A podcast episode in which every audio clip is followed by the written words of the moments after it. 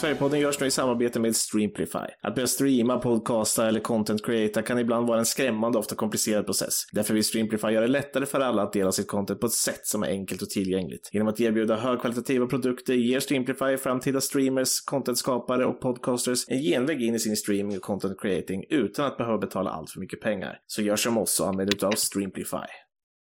Och välkomna tillbaka till Red Army Sverigepodden. Det är ju faktiskt avsnitt eh, någonting som slutar på 80. Jag vet inte vad vi är uppe på nu. Men...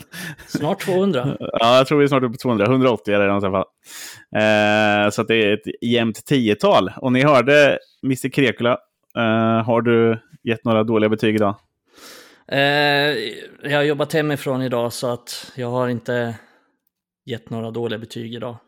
Det kommer väl så småningom. Lugnt på den fronten. Aha, exakt. Veckan har bara börjat så att säga. du kunde ge några dåliga betyg efter starten mot Forest istället, men det, det kommer vi in på sen. ja, jag ska inte ja. säga för mycket ifall eh, de eh, lyssnar på det här. Vilket, ja. Nej, vi släpper det. Ja, vi släpper det. Eh, men vi är inte ensamma idag och vi har bytt, in, eller bytt ut en sörmlänning i Adam mot en annan sörmlänning. Välkommen Ebba! Tack så mycket! Eh, ja, jag vet inte riktigt hur jag ska presentera dig här. Jag tänker att du nästan får presentera dig själv lite för våra lyssnare ute. Ja, förutom att jag är sörmlänning såklart. Det ja, det, det var ju ändå, men det var, en ganska det viktiga, bra... Det är därför du är med här. ja. Det var en bra segway tycker jag ändå. Ja, ja verkligen. Eh, få ha den här gnälliga dialekten representerad utan att eh, Adam är med. Exakt. Eh, ja. Men vem, vem är du? Ja. Var kommer du ifrån? Har vi det, vet vi redan. ja, men precis. Eh, Ebba heter jag och eh, inte, eller ja, fråga förv förvånande så är jag ju United-fan. Eh, som tur är. ja, det var väl allt för väl va? Ja, precis. Kanske inte just nu, men för poddens skull, eh, tänker jag. Eh, jag är ju också eh, kriminolog sedan ett par månader tillbaks. Eh, och eh, även kvinna, vilket jag tänker är kanske relevant för vad vi ska prata om idag. Inget utpekande alls här. Nej, men precis. Eh, Första kvinnan som är med, absolut. ska sägas. ja, viktigt. Eh, eh, ja, vi, vi, har ändå försökt få med dig några gånger ja. så att ja. du kan inte skylla all, allt på oss, men... Nej, mm, absolut inte. Jag insåg också en rolig sak här eh, innan. Eh, jag var ju på, eller jag var på släktträff i lördags, precis som Jonas hade varit här för ett par avsnitt sedan. Eh, och ehm, vi pratade inte om existentiella frågor. Däremot så, så var det faktiskt en gammal gäst till er som var med på den här släktträffen. Eh, nämligen Gustav Granqvist. Oj. Eh, det är min syssling. Så har jag namedroppat det också. Ja. Eh, för han en liten shout-out. Han var med i ja, typ 150 avsnitt sen eller något sånt. Ja, med början där det är typ 150 avsnitt sen han var med. Ja. ja. Så att eh, så nu är det liksom full circle på det. Eh. Det är, det, är, lite inavel här i den här podden märker vi, förutom, eh, förutom Micke då som är helt på utsidan. Ja, men precis. Ja, nej, så att jag, jag frågade honom om han hade några eh, bra tips inför min medverkan här och han sa nej men det där kommer gå jättebra, var bara dig själv. Så då tänkte jag så här, famous last words. var bara dig själv. Ja. ja ot otroligt så här, eh, eh, vad heter det? Eh, ah, fan vad bra jag är på att prata ibland känner jag spontant. Men otroligt så här, bara vanligt, var bara dig själv, det går ja, bra då. Diplomatiskt och gulligt. Ja. ja, så. så ja, eh, men det, snygg koppling till Gustav. Jag kommer ihåg när han var med. Jag, tror, jag vet inte om det här spelades in eller om man sa det liksom så här off record. Men då kommer jag ihåg att han berättade. Han bodde i London då. Jag tror inte han bor i London längre. Eller? Nej, han, de har precis eh, flyttat tillbaka han och hans familj. Så nu är han tillbaka på svensk mark. Okej, okay, men då berättade han i alla fall att han hade varit han var, brukade gå på Championship-matcher ibland med sina kompisar. Så de var typ på, jag tror att de var Luton-supporter eller någonting. Så berättade han typ om toaletterna på Lutons arena, hur jävla mycket kokain det drogs från den toaletten. det är lite relevant eftersom den här jävla skitarenan ska United till snart. Det hade varit en dröm faktiskt att vara som bortasupporter där, men det är, ja, det är svårt det att få biljetter till den. Alltså, ja, de, de, de lär inte ha svårt att sälja slut.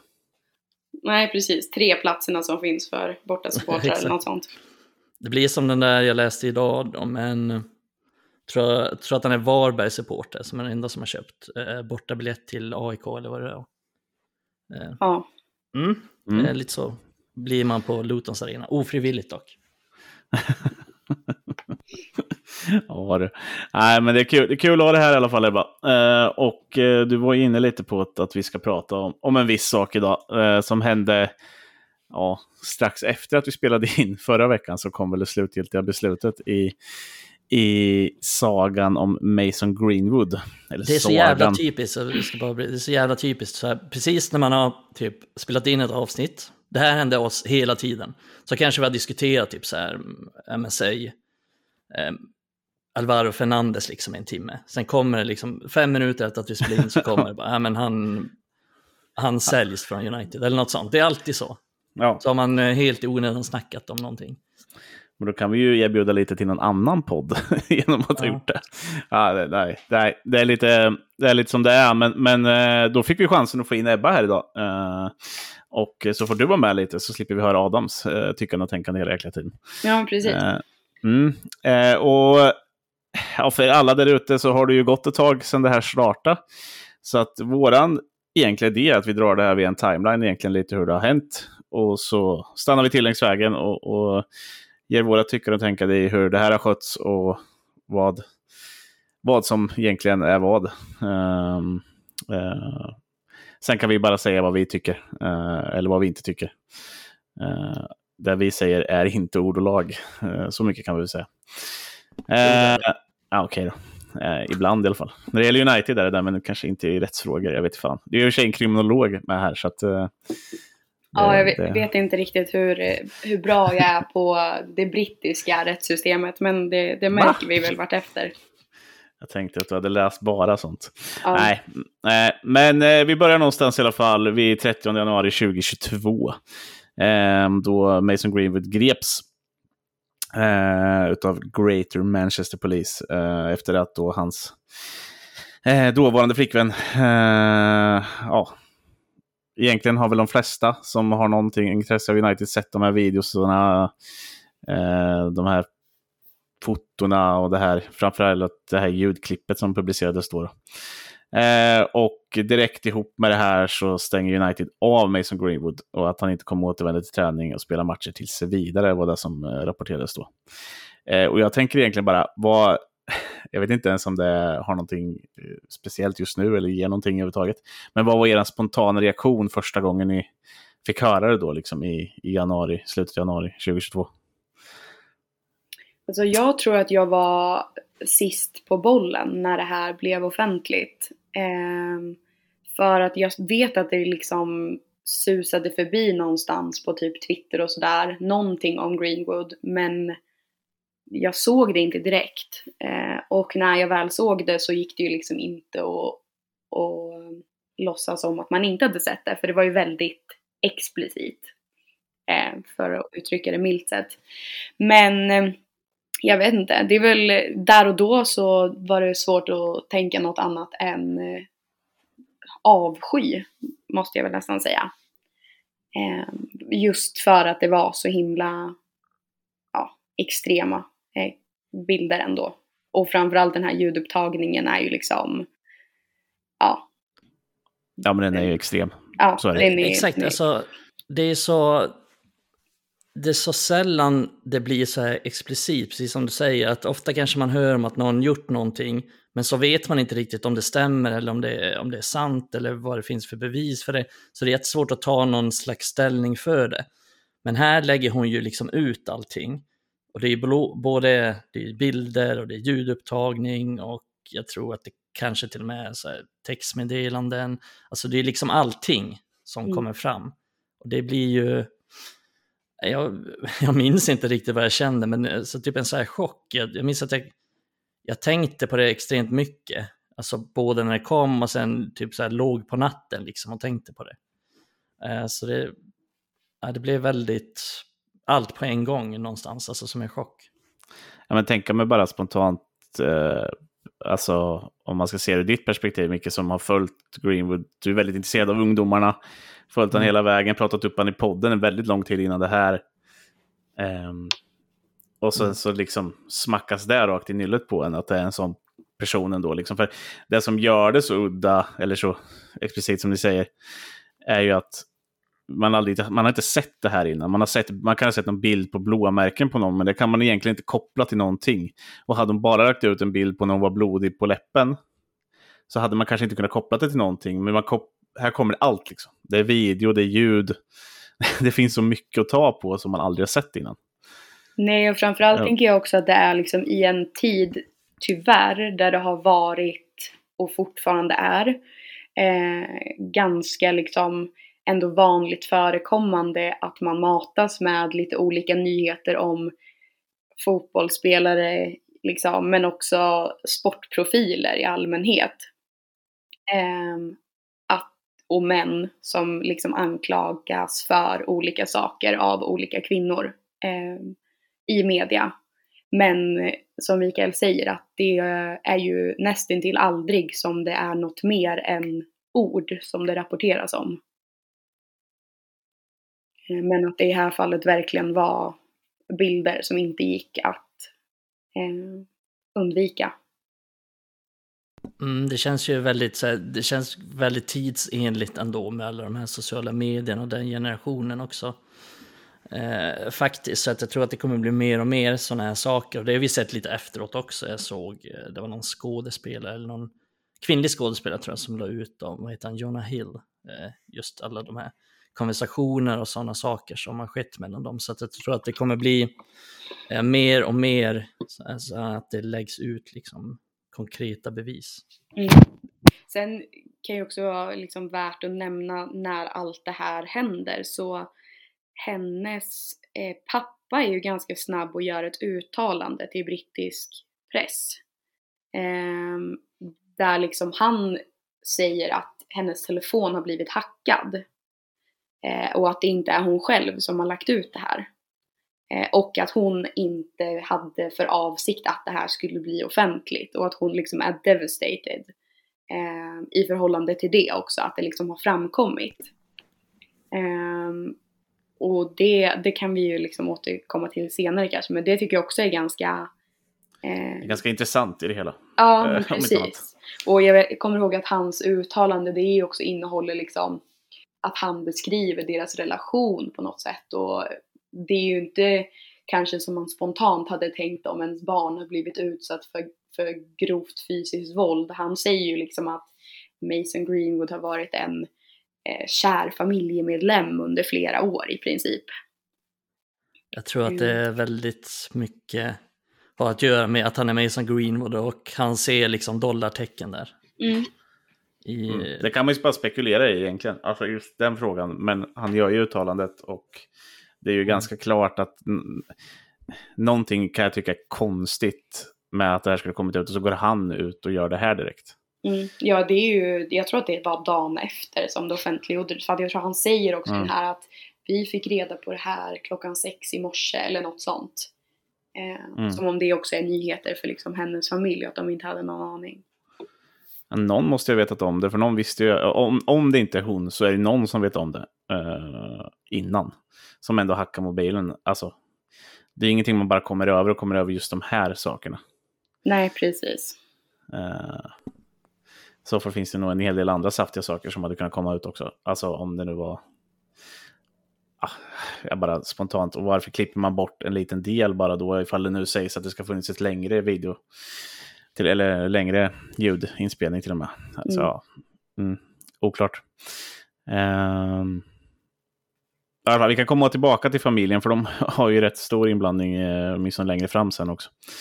Uh, men oavsett, ja, där i slutet, uh, Nike tar ju avstånd ganska snabbt också från Greenwood. Han tas bort från Fifa 22 som var dåvarande spel då.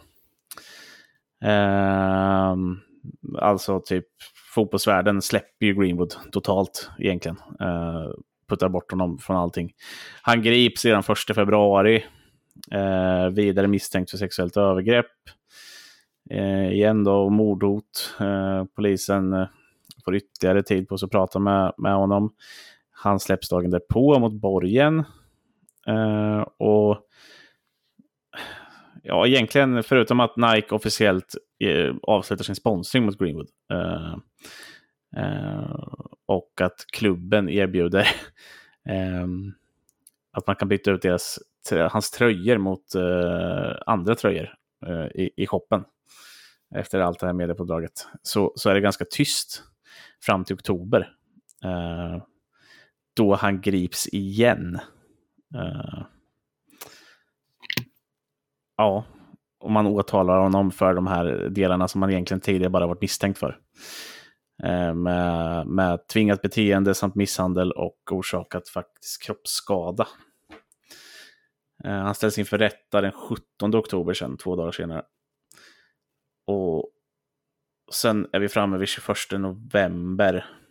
Jag tänker vi ska stanna efter här sen. Men då sitter han klädd i svart kostym och med en svart huvudtröja. Rättegångsdatumet fastställs till november 2023 och målet förväntas pågå i tio dagar. Åtalspunkterna tas inte upp. Greenwoods föräldrar är närvarande i förhandlingen och vara, som bara mindre än i tio minuter. Det är ju sen det roliga händer. Eller roliga, men det sjuka händer.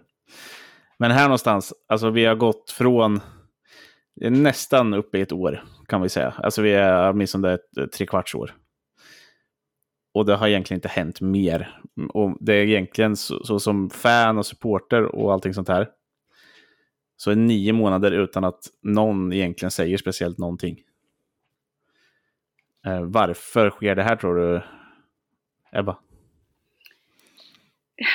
Ja, alltså om man nu ska tro klubben så här i efterhand så är det ju att de eh, egentligen avvaktar och hoppas att någon annan ska lösa deras problem åt dem. Eh, Precis nog. Och ja, det är väl egentligen den enda rimliga förklaringen. Eh, sen vad som händer liksom i utredningen och sådär kan man ju också tycka kanske är lite spännande för som du säger, han släpps mot eh, borgen egentligen två gånger trots att han blir gripen en gång däremellan för att ha brutit mot sina borgensvillkor som jag har förstått det. ja, jag tror det var så i alla fall. Ja, precis. Och där är ju också, eh, tycker jag är lite intressant just att, han, att det är just mot eh, att han har brutit mot borgensvillkoren. För att, inte för att det någonstans framgår vad de villkoren har varit, men om jag får liksom spekulera fritt när det är ett fall som rör det är ändå liksom partnervåld, alltså det är en person som utsätter sin partner för fysiskt våld eh, och sexuellt våld, så kan jag tänka mig att det finns någon typ av kontaktförbud Borde vara så. Rimligtvis. Eh, och sen med risk för att gå händelserna lite i förväg, men oktober 2022 är ju alltså nio månader innan juli 2023, där det föds ett barn. ja. Eh, så, ja, ja som sagt, det är ju en... Det har jag inte ens tänkt på alltså. Nej. det är bara ett steg före oss här. den kvinnliga intuitionen. Nej men alltså, som sagt, släpps, bryter mot de villkoren, grips igen och sen så har vi den här då, som du säger den här, när de, i rätten egentligen, det är ju mer en formalitet att han ska formellt åtalas för några olika eh, punkter liksom. Mm. Eh, ja. Och att, ja, egentligen så här, liksom, det är det som händer då. Men det är ju efter det som det egentligen tystnar igen. Och det mm. blir aldrig något åtal. Nej. Uh, och egentligen tar det hela vägen fram till 2 februari 2023 då. När alla anklagelser bara läggs ner. Uh, och uttalandet då från The Crown Prosecution Service, som de heter där borta är ju att de har en skyldighet att hålla ärenden under kontinuerlig granskning. I det här fallet innebär en kombination av att nyckelvittnen drog sig ur och nytt material som kom fram att det inte längre fanns några realistiska utsikter till fällande dom. Under dessa omständigheter är vi skyldiga att avsluta fallet. Vi har förklarat vårt beslut för alla parter. Eh, och Greenwood är ju typ en av de första gångerna han ger en kommentar efter det här. Att jag är lättad över att det här ärendet nu är över och att jag vill tacka min familj, mina nära och kära, mina vänner för deras stöd. Eh, inte så att han heller här tackar hennes familj eller någonting sånt, som senare är ute och skyddar honom ännu mer då. Men här har vi ytterligare kanske då två månader av noll eh, grejer som händer. Och cirka ett år exakt efter att det börjar så, så läggs allting ner för att nyckelvittnen drar sig tillbaka. Och eh, då kan vi ju tänka oss, då, om du säger oktober där, det är väl ungefär tre månader senare då, då vet man ju om man är gravid eller inte. Om man ska Mm. föda ett barn sex månader senare. När, när du väckte det i huvudet på mig. Ja. Och, Eh.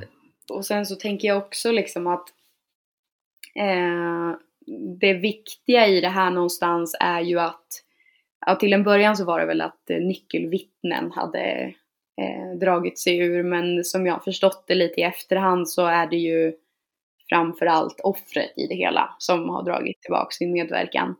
Eh, jag försökte faktiskt, som jag sa, jag är inte expert på någon form av brittisk eh, straffrätt på något sätt. Men eh, det ska ju inte liksom bara vara det som det hänger på och de säger ju också att det är nya bevis som har tillkommit och liksom jada jada. Men jag har ju svårt att se i det här skedet hur eh, bara den här ljudupptagningen som finns, eh, som också finns jätteväl eh, transkriberad om man vill läsa ordagrant vad Mason Greenwood säger. Eh, jag har ju svårt att se att den inte kan vara tillräcklig bevisning för sig själv. Eh, men så är jag ju inte åklagare i drottningens åklagarmyndighet i Storbritannien heller. Men jag Nej. vet ju att det var det första jag tänkte. Jag Eh, tänker bara på, bara flika in just med den här ljudupptagningen. Att det som har stått i efterhand nu, om man säger senare nu när vi har fått lite extra, liksom, är ju att det ska ha kommit, den här ljudupptagningen är bara en del av en större ljudupptagning. Mm. Och att det skulle på något sätt vara, alltså det måste vara några helt, det måste vara något helt sjukt prank om det här ska finnas någonting som skyddar honom från den här ljudupptagningen Mm. i den andra delen av ljudupptagningen. Eller är jag Mm. helt ute och cyklar liksom? Nej, det måste finnas en, en väldigt bra förklaring till eh, i vilket annat sammanhang och under vilka andra omständigheter det här inte skulle kunna vara ett brott. Det är som du säger, det är om det är ett sjukt prank, men ja. Ja, det, ja men hur, ja, ja, det är precis, det är ett sjukt prank i så fall. Men också, jag, jag, kan inte hitta, jag, kan inte, jag kan inte ens hitta på omständigheterna som skulle kunna fria från just det han säger. Liksom. Nej. Nej, och det är ju om man sen sätter det liksom i ett sammanhang tillsammans med bildmaterialet som finns.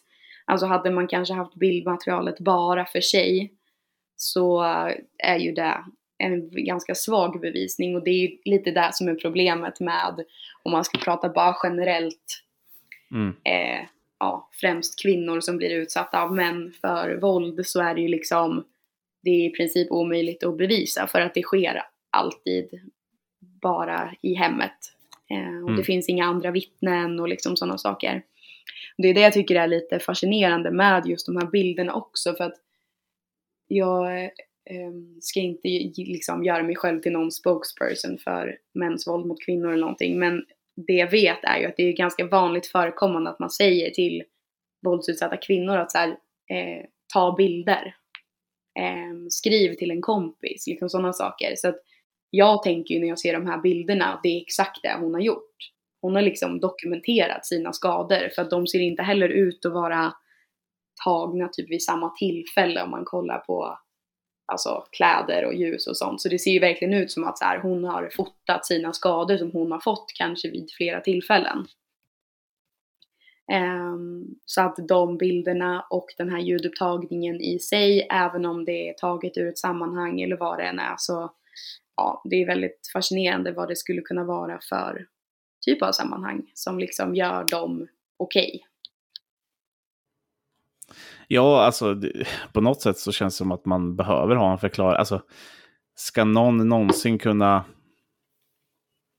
helt släppa det här så, så kommer det behövas en, en, en bättre förklaring eh, för det här än att någon har fått höra, alltså typ som Arnold går ut och säger att det är bra att jag fått höra att de här eh, ja, bevisen inte var riktiga. Eller alltså på så sätt. Och, det är som du säger att ja, det är ju typ pappan som har sagt det. Mm. Och det sa han ju efter en dag i så fall. Ja. Eh, i, I övrigt så, så, så behöver man ju, alltså det här ljudklippet, framförallt ljudklippet måste ju förklaras. Det är som du säger, de här andra grejerna, de är ju svåra att bevisa. Alltså. Det, så är det ju. Det, det, det, det finns ju alldeles för mycket om, omständigheter som skulle kunna ha skapat de skadorna. Men Men vad, vad är teorin då liksom? Alltså, hans karriär är ju i princip förstörd för de här grejerna. Så det är ju, det är uppenbarligen inget prank eller någonting så på så sätt, utan jag misstänker väl att det är i så fall att det är bara så att de här, eller att hon har dragit tillbaka vittnesmål, det är väl det som är det viktiga, relevanta. Det är svårt att bygga ett mål om det inte finns någon som kan vittna om de här sakerna, men att jag gissar också, ja, det här är bara gissningar, jag har ingen aning egentligen, men att det, det kanske bara inte, alltså det som finns kanske inte räcker för ett åtal, man hade kanske också behövt att hon, att hon vittnar om alla de här sakerna i rätten och jada jada och så vidare och så vidare. Så alltså det är väl uppenbart, tycker jag, att han har, att han har gjort de här sakerna. Alltså, han skulle liksom inte gå tillbaka till henne om han inte hade gjort det. Och, säg, alltså lek med tanken bara, han, han har inte gjort någonting. Och så blir han anmäld av sin flickvän och hon har liksom slagit sig själv och tagit bilder och eh, ja men bla bla bla, hittar på massa saker. Han, eh, ja, om jag vore Greenwood så skulle inte jag tillbaka till den tjejen. Bara. Nej men fan det är lugnt. Nej, framförallt så tänker jag att om det då finns uppenbarligen eh, någon form av övrig bevisning som, ja, Arnold är ju helt övertygad, han har ju sett den och eh, är helt övertygad om hans oskuld. så, så det finns ju uppenbarligen något och oavsett om det är resten av den här ljudinspelningen eller vad det nu kan vara så tänker jag så här, det måste finnas ett PR-team som bara kan läcka det här då. Ja. Eh, eller mm. den som nu har hackat hennes telefon om det nu är så. Den har ju uppenbarligen också resten. Alltså det ja, är liksom för mycket för att eh, jag, jag, förstår liksom inte att det inte finns någonting övrigt som har blivit offentligt när det här var så himla offentligt. Mm. Och han har egentligen inte sagt, alltså Greenwood själv har inte sagt så mycket. Liksom. Han har inte nekat att han har gjort de här sakerna, eller ett, så vitt jag vet. Eh, jo, det var väl nu i slutet. Ja. Så, så, så, sa han ju ändå, han gick ut och... Jag vet att han sa, men han sa väl inte att han inte hade...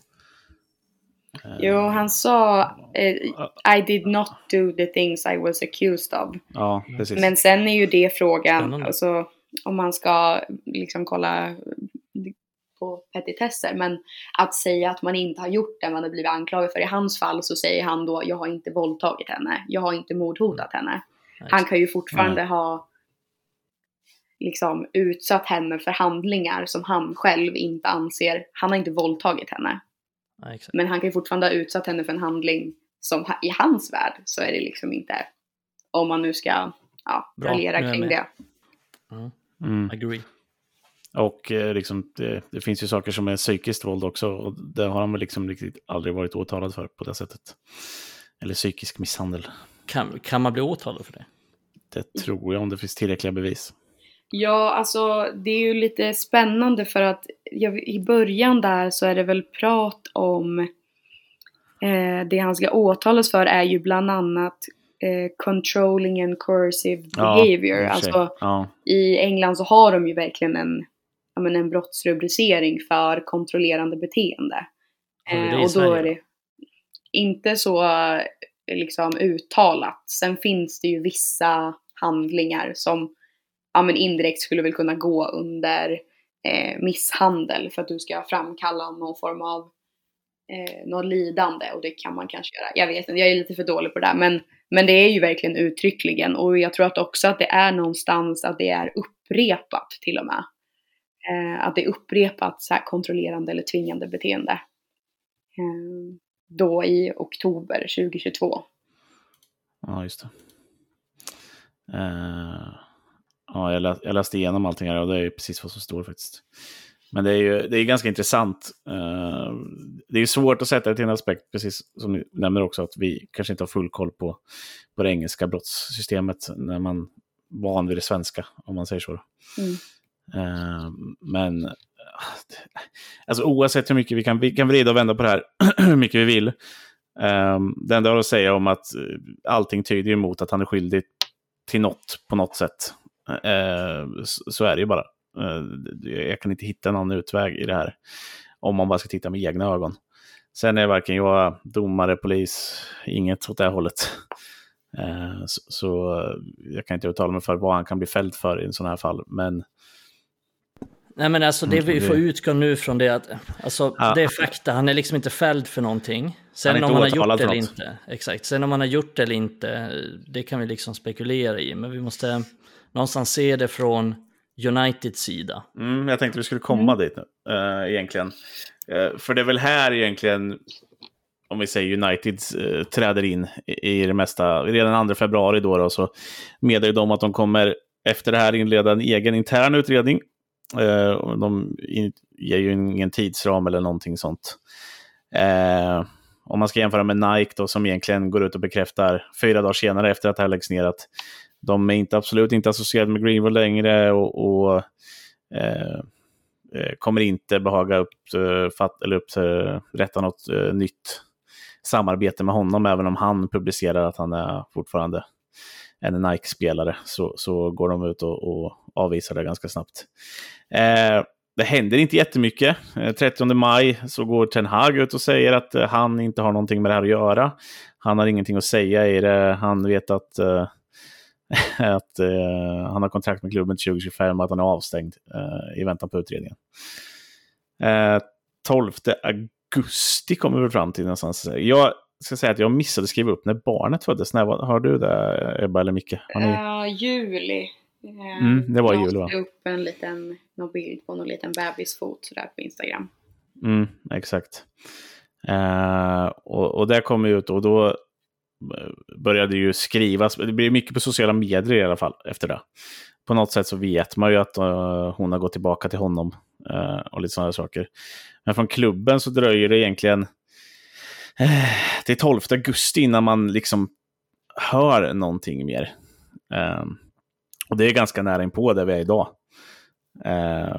Och- då säger man egentligen att man dröjer med att fatta ett slutgiltigt beslut om Greenwoods framtid. Eh, och man ska rådgöra med medlemmarna i sitt damlag, varav tre är i, på VM i Australien och Nya Zeeland. alltså det här är bara det är skrattretande för min del. det Ja, alltså det är ju ett, det är ett uttalande om att man ännu inte har gjort ett uttalande och att Ja. man har ett beslut om att man ännu inte har kommit fram till ett beslut. Ja, Alltså anledningen till att de kommer det var väl för att The Athletic hade kommit med eh, sin långa artikel om att de planerar att ta tillbaka Greenwood. Så Nej, att, den, den kom 16 augusti. Okej, och då kom de med, med ett nytt uttalande efter Ja, det. de, för de, Sa sjut- att, återigen att de inte har något uttalande att komma med. ja, Men- 17 augusti. Ja, Ja, jag som jag fattade så, han, den journalisten som eh, är liksom, som gjorde den här eh, artikeln. eh, Atletic, Adam Crafton. Ja. Ja. Ja. Jag såg, eh, han hade ju gjort en eh, tråd på Twitter. Eh, där jag såg att de hade alltså skickat det här till United eh, dagen innan, eller två dagar innan typ, det skulle publiceras. Eh, Okej. Och så menar de på att, så här, som vi alltid gör för att ge, eh, ge dem en chans att lämna en kommentar liksom. Eh, så här, vi kommer publicera det här, vad har ni att säga? Mm. Eh, och att de typ hade fått respons från United att ja men vi återkommer snart. Och sen så istället för att återkomma till dem så publicerar de det här eh, uttalandet. ja, så kanske det var. Mm. Eh, så att jag, det är ju också någon form av eh, krishantering eh, som så här i efterhand kanske inte var sådär jättelyckad. Nej, precis. Och han, jag läste också den tråden av Adam Crafton. Eh, för övrigt bra jobb av honom liksom genom hela Mm. det här. För att han, Den borde alla läsa om man har tillgång och, och vill. Alltså det är mycket, mycket Ja, nyttigt precis. inom Men- det här att läsa. Men i alla fall så, han skrev i den tråden också någonting om att jag har inte koll på de här journalistiska liksom, publi- publiceringarna, men han skrev ju någonting om att eh, en klubb kommer aldrig med liksom, ett, statement, eller ett planerat statement liksom, klockan 15.00 på en onsdag eller, vad, Nej, precis. eller när fan det nu kom. Och Ja. han menar på att det var liksom United fick panik, bara, nu måste vi komma ut med någonting. Den här artikeln kommit och vi får mycket kritik som helst. Vi måste säga någonting nu typ. Ja, och eh, det hade ju kommit några svaga rapporter 5 augusti, det glömde jag ta upp, att, eh, att spelarna i herrlaget eh, välkomnade Greenwood tillbaka. Eh, eftersom utredningen där lagts ner. Att det inte var ett problem.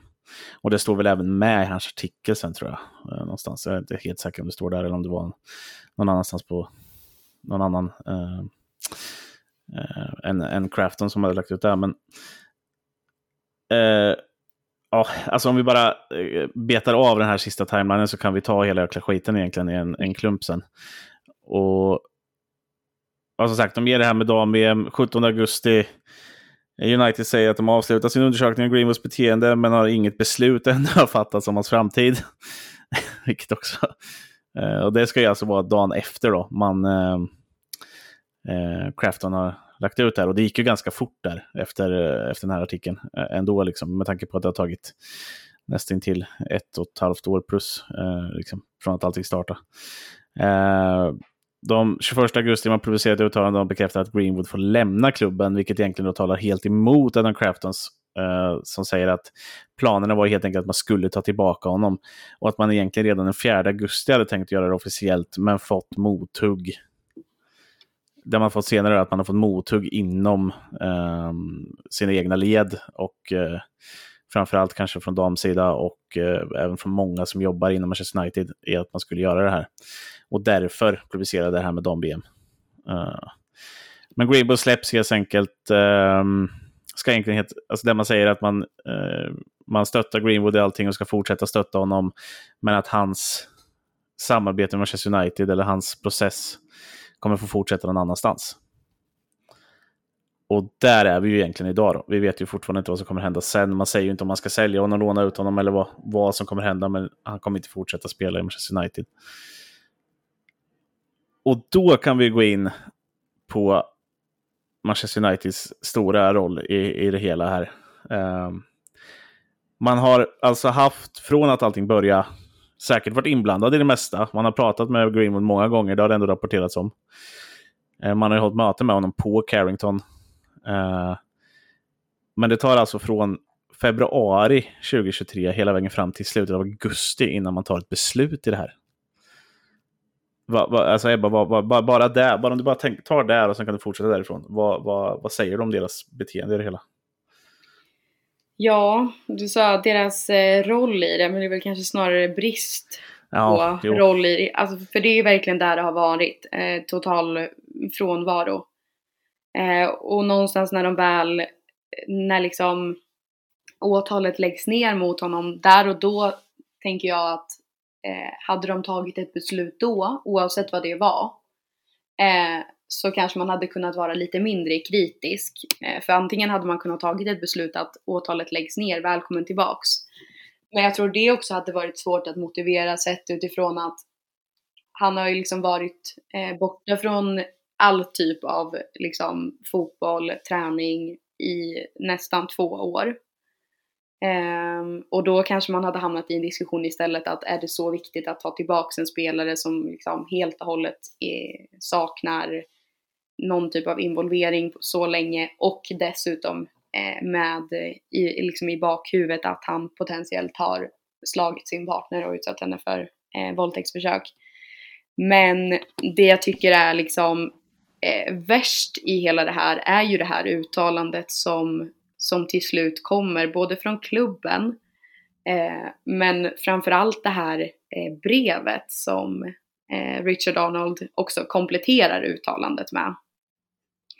Eh, både i uttalandet och i hans brev så, så framgår det ju väldigt tydligt att man är helt övertygad om att Mason Greenwood inte har gjort det som han varit eh, anklagad för. Och det är ju alltså en slutsats som man kommer fram till eh, trots att man, som man också själv liksom säger, är att man har haft begränsade utredningsmöjligheter. Eh, av förklarliga skäl så har ju såklart Manchester United inte samma, eh, samma resurser som eh, Manchester Metropolitan Police och liksom åklagarmyndigheten. Eh, och man säger ju också själva att man har förlitat sig helt på um, ja, men, samarbete från tredje part. Eh, och dessutom att man inte har fått tillgång till alla bevis. Men ändå så liksom är man helt övertygad om att han inte har gjort eh, det han var anklagad för. Vilket är mer än vad Åklagarmyndigheten eh, kommer fram till på två år. Ehm, och mm liksom bara där vet jag, jag förstår liksom inte vad det tillför. Eh, för att Samtidigt som man då säger att han har inte gjort det här, det är vi helt övertygade om. Men han kommer inte få fortsätta i våran klubb. Nej, där, där någonstans skär det sig i mina ögon. Ja, det är, alltså, det är så ofattbart så jag förstår liksom inte. Det, det är helt motsägelsefullt. Eh, för om man nu är så övertygad så borde det inte vara något problem att plocka tillbaka honom. För att han också är en egen produkt som har varit i klubben sedan han var sju och han är, ångrar sina misstag och han är fokuserad på att vara en bra pappa. Eh, också liksom lite halvt raljerande citat från deras egna uttalanden. Um, ja. Man säger egentligen allting. Det känns som man har tagit det här statementet då, som säger att det är sant. Att, att den 4 augusti skulle de släppa ett statement där, där man skulle ta tillbaka Mason Greenwood. Det känns som att man har tagit de statementen men bara avslutat med att istället för att säga att eh, vi kommer att arbeta med Mason Greenwood, han ska komma tillbaka så bra som möjligt till Manchester United, så har man bytt ut slutet. Ja, till ja, så. Alltså jag förstår ju någonstans att klubben tycker att det är ett svårt beslut. Alltså oavsett vad de gör så kommer de ju förlora på något sätt eftersom de kommer få många emot sig mm. eh, oavsett vilket beslut de tar. Men nu känns det lite som att de försökte sätta upp fingret i luften och känna åt vilket håll det blåser åt. Eh, för de tänkte ju ta tillbaka honom, men sen kom ju den här artikeln och då kände de ju liksom, det var ju lite protester utanför Old Trafford och de eh, såg alla reaktioner på, so på sociala medier, de såg all kritik från media, från supportrar. Eh, och då ändrar de sig helt enkelt. Jag är helt övertygad om att, att det ligger till på det sättet. De ville ta tillbaka honom, men så ändrar de sig efter det. Men sen är det också som någon av er nämnde, nu minns jag inte vem det var av er, men eh, det var ju några i klubben också som, när de väl, alltså det var ju framförallt Richard Arnold, Uniteds vd, som har varit liksom ledande i den här processen och eh, verkar framförallt som att han har velat ta tillbaka Greenwood, men att det var en del, i, en del ledande personer i klubben som inte ville det och det var ju eh, i den här till exempel artikeln från Adam Crafton så var det mycket om att um, vissa ville till och med strejka, vissa ville säga upp sig från klubben och inte ha någonting att göra med den här organisationen som ville ta tillbaka Greenwood. Så det har ju varit, alltså det har ju varit några stormiga timmar i de där mötena på, på lokalerna hos Manchester United, det kan man ju, kan man ju lugnt säga. Och och det är väl det som jag, eller som du också säger, bara är att alltså, ta, alltså så länge de tar något beslut, även om jag inte köper det beslutet, så kan man ju någonstans acceptera det på något sätt. Jag menar inte att jag skulle tycka att det var rätt beslut vad de än gjorde, men alltså man kan ju köpa att de tar ett beslut och står vid det, även om det är rätt eller fel eller och så vidare. Och så vidare. Men här blir det liksom som ett icke-beslut, de vågar inte riktigt ta någonting de gör lite det, sen går de lite åt andra hållet för att känna lite åt vilket håll det blåser åt. Och det är dåligt ledarskap och framförallt en, alltså en, en feghet i, i ledarskapet och feghet i hela organisationen känns det som. Och, och det här har vi, alltså om vi pratar fotbollsmässigt så har vi känt av de här sakerna, så här avsaknad av röd tråd, avsaknad av ledarskap högre upp. Och de här sakerna visar ju sig verkligen Eh, Eh, i, i, den här, i den här situationen. Ja, och eh, jag tror också att det liksom hänger ihop lite med eh, ni har ju pratat tidigare i podden om, ja men nu senast Rashford, liksom, att han ser totalt ointresserad ut och, på plan. Eh, och jag har liksom hamnat i någon form av så här, att allt det här hänger ihop. Nu säger jag inte att det är samma sak, men eh, det är liksom, man måste kunna hållas till en högre standard. Eh, utan att liksom uttala sig om om han, Mason Greenwood har begått ett brott eller om han har gjort de här handlingarna som han anklagades för. Eh, så är det liksom ett faktum att de här bilderna publicerades och den här ljudupptagningen finns.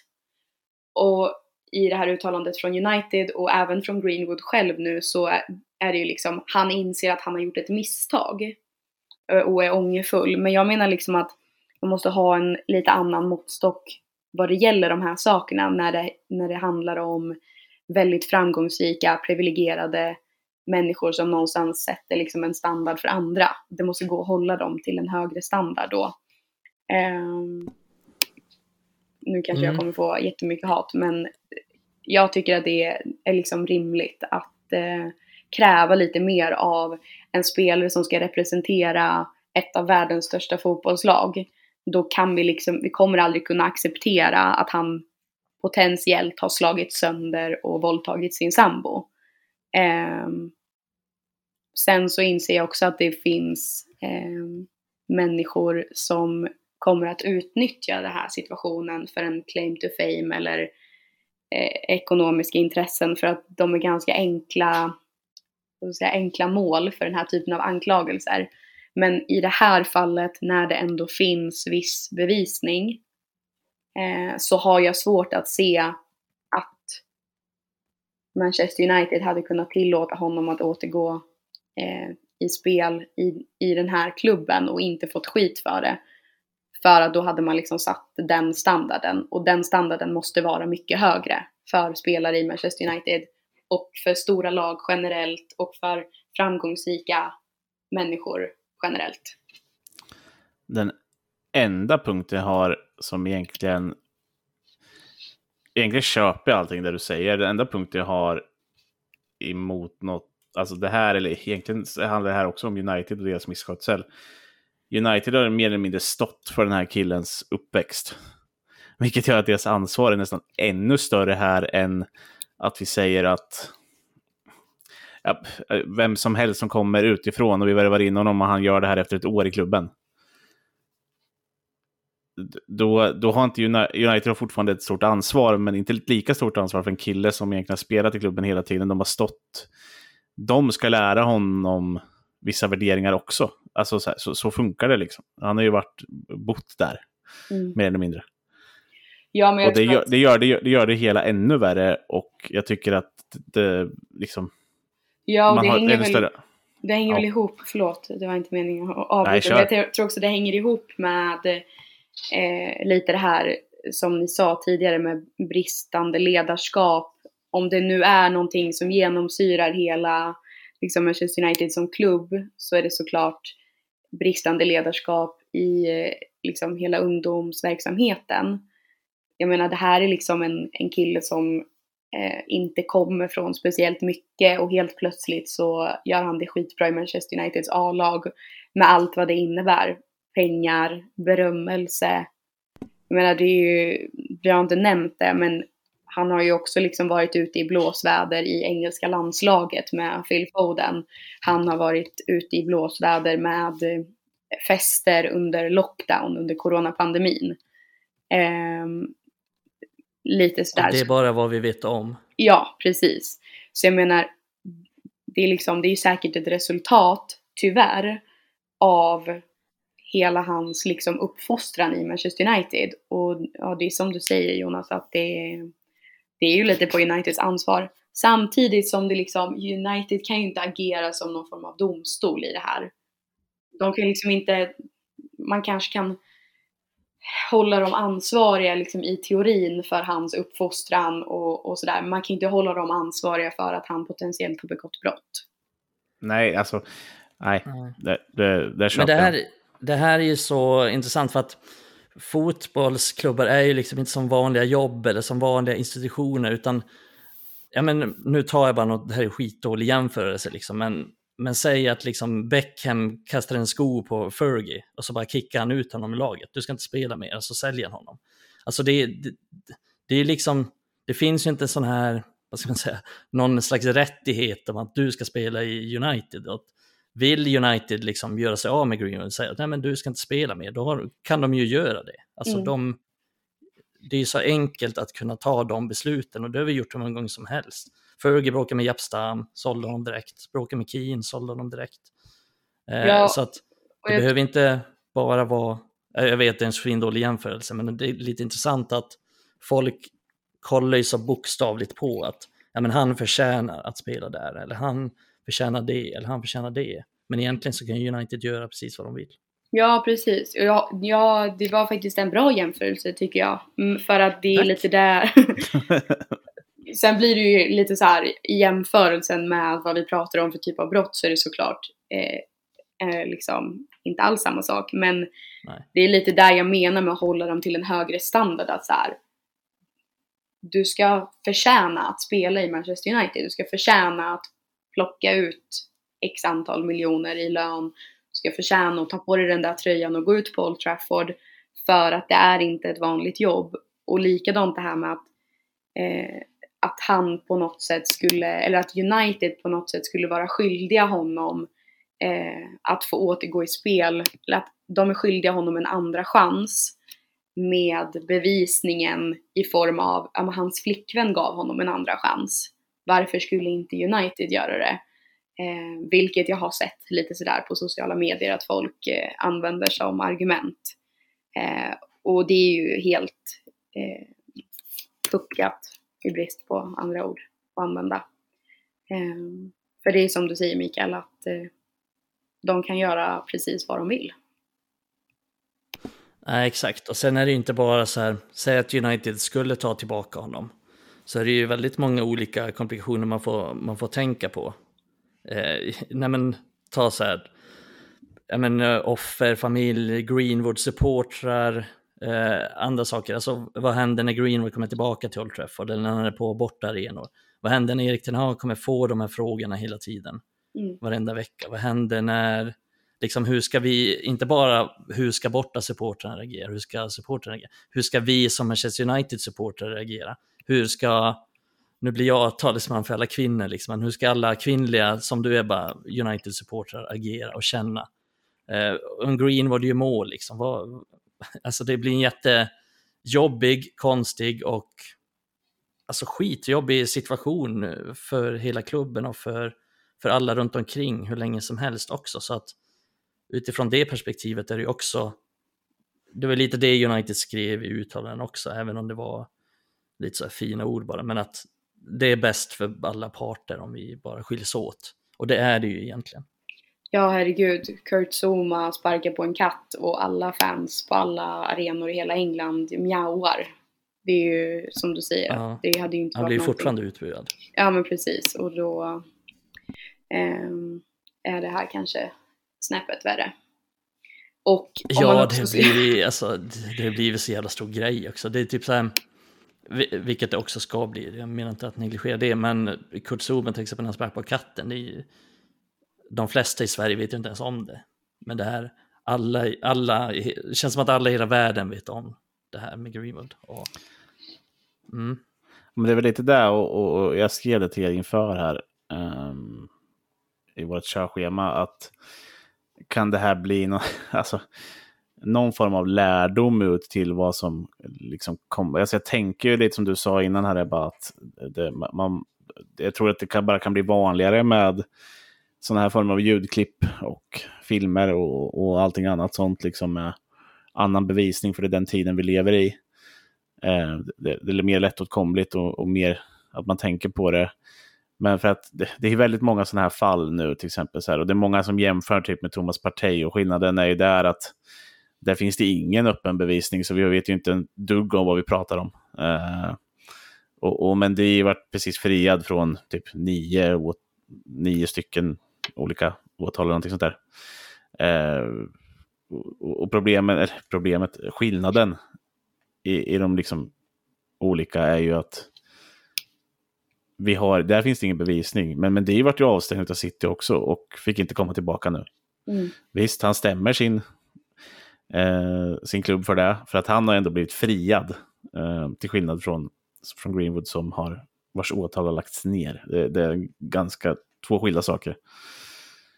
Uh, och, och, i det stora hela fotbollsvärldsperspektiv, liksom, vi kanske inte ska prata för mycket sånt, men, men någon, någonting måste finnas att ta av det här. Liksom. United har ju handlat otroligt fel, det kan vi komma överens om. Men, men vad finns det att ta med här?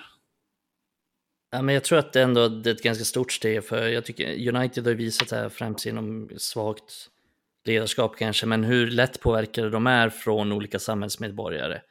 Eh, och sådana saker kan ju såklart vara på gott och ont, men det är ju ändå viktigt eh, att vi kan påverka sådana här stora frågor ändå. Och det, Alltså att vi kan visa tillsammans att vi kan hjälpa United på rätt köl någonstans när de har tappat vägen. Och, och det gjorde ju vi supportrar verkligen med, eh, jag tänker framförallt på det här Super League.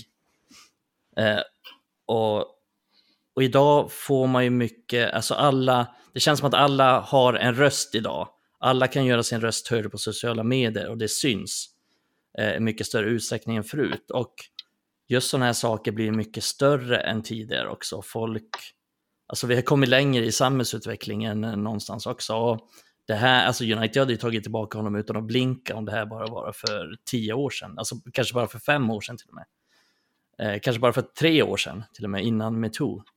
Eh, så att absolut har det hänt väldigt mycket, men å andra sidan så tog ju, det tog inte länge innan Mendy blev friad. Förvisso friad, precis som du sa Jonas, det är en viktig skillnad där. Men eh, det tog inte länge innan någon fransk klubb tog in honom. Så, Nej. eh, ja, nej men det känns ändå som att vi har kommit långt. Alltså, vi har haft, om, vi ba, om jag bara tar Uniteds perspektiv så har vi ändå haft tvivelaktiga karaktärer innan som har gjort ja, jävligt mycket skit. Det hände väl extremt mycket där på George Best tid också, just med att han gjorde väl en hel del också vad gäller misshandel. Eh, jag vet inte hur mycket liksom som är offentligt, hur mycket som är bevisat att han gjorde det, men eh, det är väl ganska tydligt att United visste om det och gjorde väl inte jättemycket åt det. Och det var väl ingen som riktigt brydde sig heller. Men idag så kommer inte klubbarna undan med den här typen av saker och det är ju ja, det, det är bra.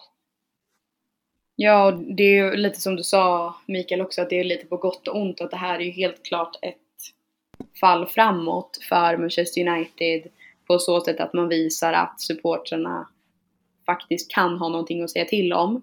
Ännu en gång på ganska kort tid som du sa med Super League och lite sådär. Eh, mm. var väl också eh, var det, nu när vi skulle värva Arnautovic eller vad var det? Ja, just det. Som, eh, också en sån här grej och det är ju bra för att Manchester United har väl kanske inte alltid liksom agerat på så sätt tidigare. Samtidigt ja. som jag också, precis som du liksom är inne på, att det är ju också ett steg tillbaka för eh, ledarskapet i klubben. Att... Ja, också alltså att egentligen så tycker inte jag att man ska vika sig för den här typen av mobbmentalitet, liksom att vi ska sitta här och vara någon slags domare i, i fall som vi inte vet någonting om. Eh, just i det här fallet är det ganska unikt, precis som vi var in, varit inne på tidigare, men precis, så det kan ju vara väldigt mycket på gott och ont också, men ja, det har blivit ganska mycket ont. Och det är ju eh, mycket gott med vad vi har gjort mot United. Och just Anatovic är ett intressant exempel där, för att eh, eftersom vi vill inte ha honom och det var inte liksom bara de här fotbollsmässiga grunderna utan saker han har gjort utanför planen. Och de kan ju bli aktuella nu eftersom United ryktas vara lite intresserade av Marcus Alonso och han körde väl, eh, om jag inte missminner mig så, körde han rattfull och dödade en person. Så det kan ju verkligen bli aktuellt bara om någon vecka till och med. Fan, vi mm. måste sluta efter den typen av spel, vad i helvete. Ja, jag, har, jag har mycket emot uh, Marcus Alonso utan att ens tänka på det. Så att, ja. Och då har vi inte ens gått in på det faktum att han är jävligt dålig också. ja, exakt. Det var precis det jag tänkte på. Uh, nej, men alltså om vi ska försöka runda av det här Greenwood-delen. Vi har snackat ungefär en, en timme uh, rörande det här nu. Eh, jag tror att alla kommer kunna ha sina olika tyckande och tänkande om det här utan att någonting är exakt rätt eller fel. Eh, United hade kunnat, om de ville, komma undan med att göra båda delarna. Eh, det kommer finnas folk som är irriterade på att man inte tog tillbaka honom nu för att man tycker att man eh, bär det ansvaret. Och, och, jag köper dem. Jag köper i alla fall de eh, tankarna. Jag köper det här beslutet nästan mest för att, precis som ni har nämnt här innan, att det är det absolut bästa för alla parter och någonstans så måste Uniteds standard vara högre. Eh, och framförallt så måste standarden vara högre eh, inom klubben överlag, bara när det gäller ledarskapet i hur man sköter situationer. Eh, om man bara eh, tänker situationer som ens är i närheten av sånt här. Liksom. Det ja, måste det ska ändå, på ett bättre sätt. Precis, och det ska väl innan vi avslutar ändå sättas till protokollet att vi kan inte veta säkert någonting vad som har hänt, utan vi får ju bara spekulera utifrån de uppgifterna vi har och det vi har sett. Men jag tror att vi alla här kan vara överens om att det är nog det bästa liksom för alla parter att det blir på det här sättet. Men sen har det varit en krokig gång dit, minst sagt. Ja, framförallt så är det väl det, det minst, eh, minst dåliga Eh, jag vet inte om det fanns något bra eller så, men det är det minst dåliga Nej, och kanske en bättre. Du är mer pessimistisk än jag. Är... Ja, imponerande nästan. ja. Ja, med tanke på eh, tidsramen på det så finns det nog inte ett, ett, ett perfekt eh, utgång av det här oavsett hur de hade gjort. Nej, det bästa hade det varit om Greenwood aldrig hade gjort det här. Nej, alltså United hade klarat sig bäst undan ifall Greenwood hade uh, blivit skyldig. Så, är det bara. Det är det enda sättet som United hade kunnat klara sig. För då hade de bara kunnat sparka honom. Högst troligt. Uh, men uh, det, det behöver vi inte gå in på. Uh, men överlag, pissigt skött. Skärp er United, så mycket kan vi säga. resten får vi lämna åt de andra tankarna. Vi nämnde inte så mycket i familjen, men jag kan tycka för fan skärp dig farsan. Någonstans har du också sett och hört de här grejerna. Du kan inte gå ut och skydda honom det första du gör. Det är liksom... Nej, jag vet inte. Nej, jag tycker synd om henne, men ja, ja. hon verkar ju ha det bra nu. Så att... Ja, någonstans, någonstans får man hoppas att barnet och hon mår bra i det hela. Och att mm. Greenwood eh, får en... Jag kan bara önska honom all, all vändning i livet framåt och att han blir en eh, jättebra människa framöver. Snacka om historia för det barnet redan. Mm. Ja, det blir ja. bra Tinder-profil för det barnet sen. Uh, How I Met Your Mother-uppföljningen. Nej, fy fan. Ja, vi avslutar med det skämtet och eh, flyttar över till att prata lite roligare saker.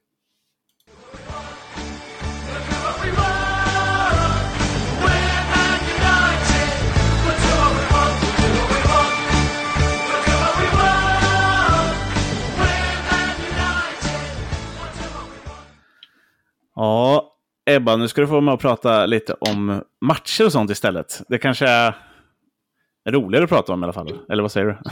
Ja, det beror väl lite på vilken match vi pratar om. Men eh, sett till den senaste så, ja, med liten marginal. Ja, exakt.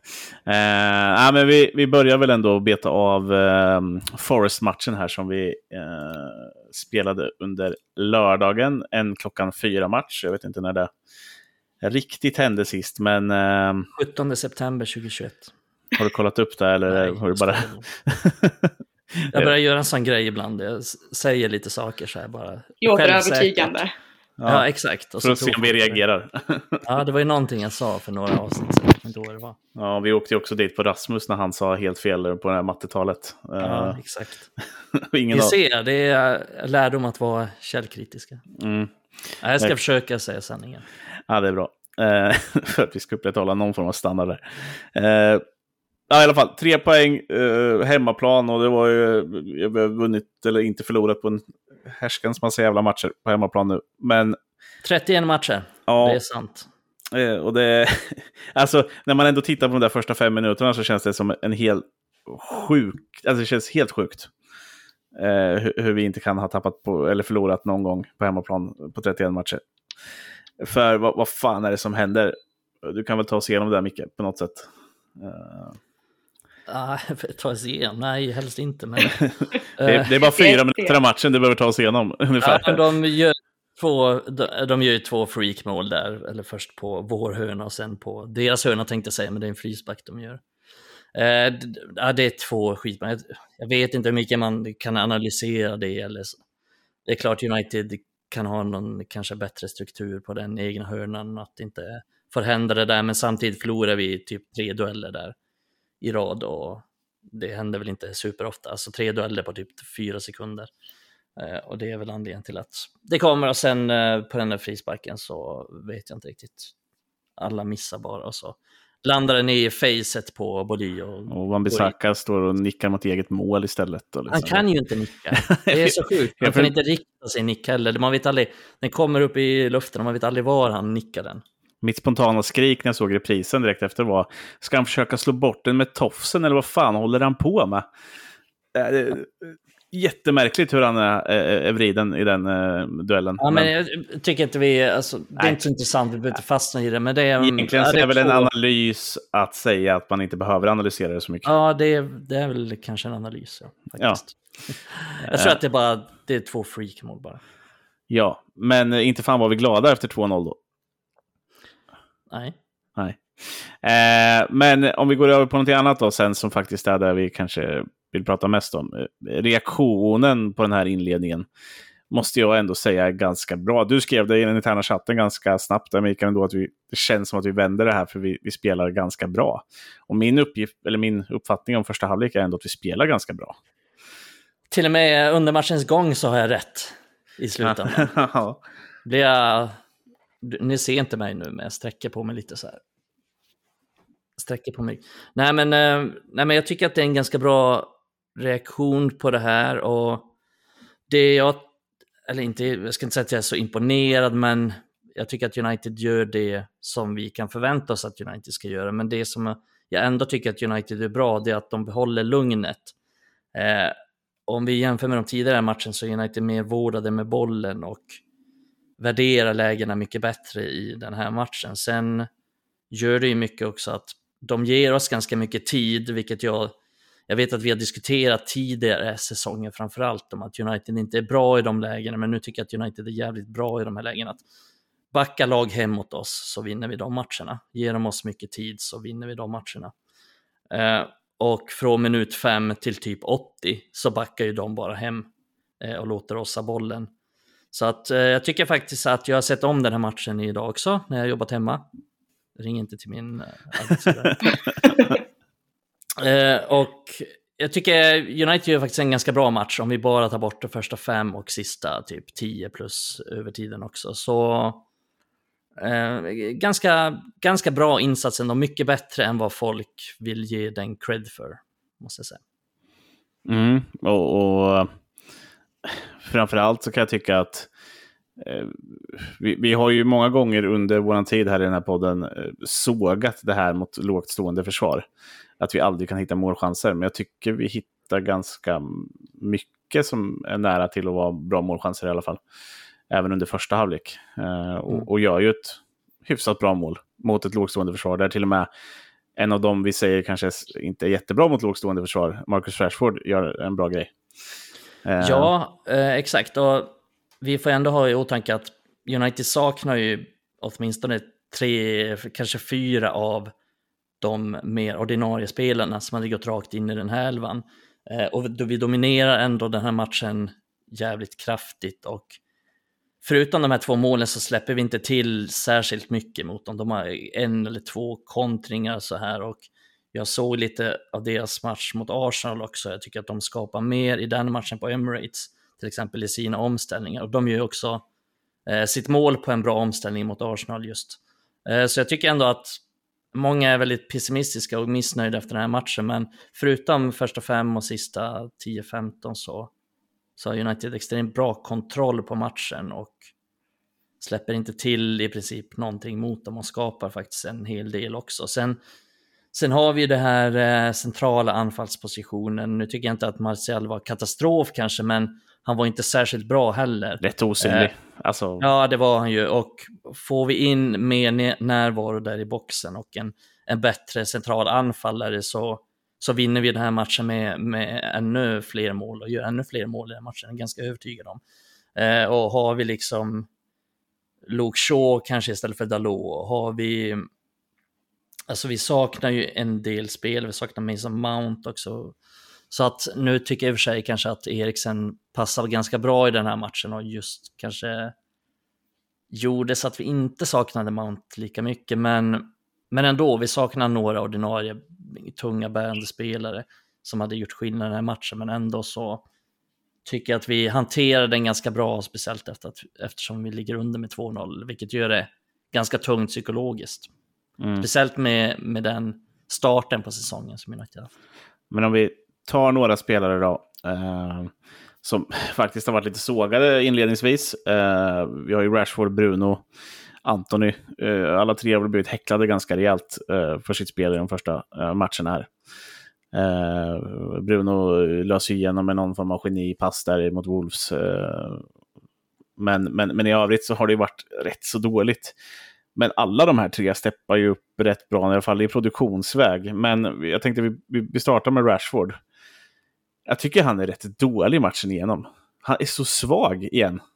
Han tappar boll nästan i varenda läge han får där framme. Men ändå så kommer han därifrån med, med, eh, med en fixad straff, en assist och eh, är ju högst inblandad i, i Casemiros mål också. Eh, hur, hur, hur, hur förklarar man det? Eller hur viktigt är det att ha en sån som Rashford som trots en ganska medioker insats, för, måste man säga att det var, kommer undan med de här med så mycket poänginblandning?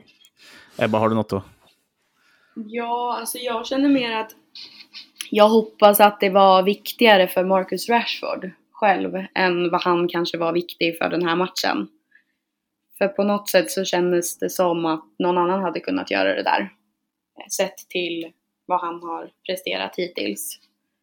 Eh, och eh, sett liksom lite historiskt sådär så har ju han eh, ändå kunnat kommit ur sådana här eh, svackor eh, på ett ganska bra sätt när det liksom har tagit fart lite. Eh, nu kanske inte det här alls var svar på frågan, men jag hoppas att det liksom ger lite, att han ändå fick det här på pappret liksom. Men som du säger, han var inte, det var inte en 10 av 10 liksom. Nej. Nej. Alltså det blir ju, exakt, det blir ju lite så också att han, han kommer ju undan någonstans med att vara ganska dålig och så är det ju alltid med honom att ibland kan han vara skitdålig och det är samma med Bruno Fernandes egentligen. Ibland kan han vara skitdålig men ändå göra ett mål och en assist som vinner oss matchen. Och just nu i det här läget vi är i så är de, just de två spelarna extremt viktiga för att vi har inte så många andra som kontinuerligt gör mycket poäng. Så då behöver vi de spelarna eh, oavsett om de sinkar vårt lag lite, för det, för det gör de ganska ofta.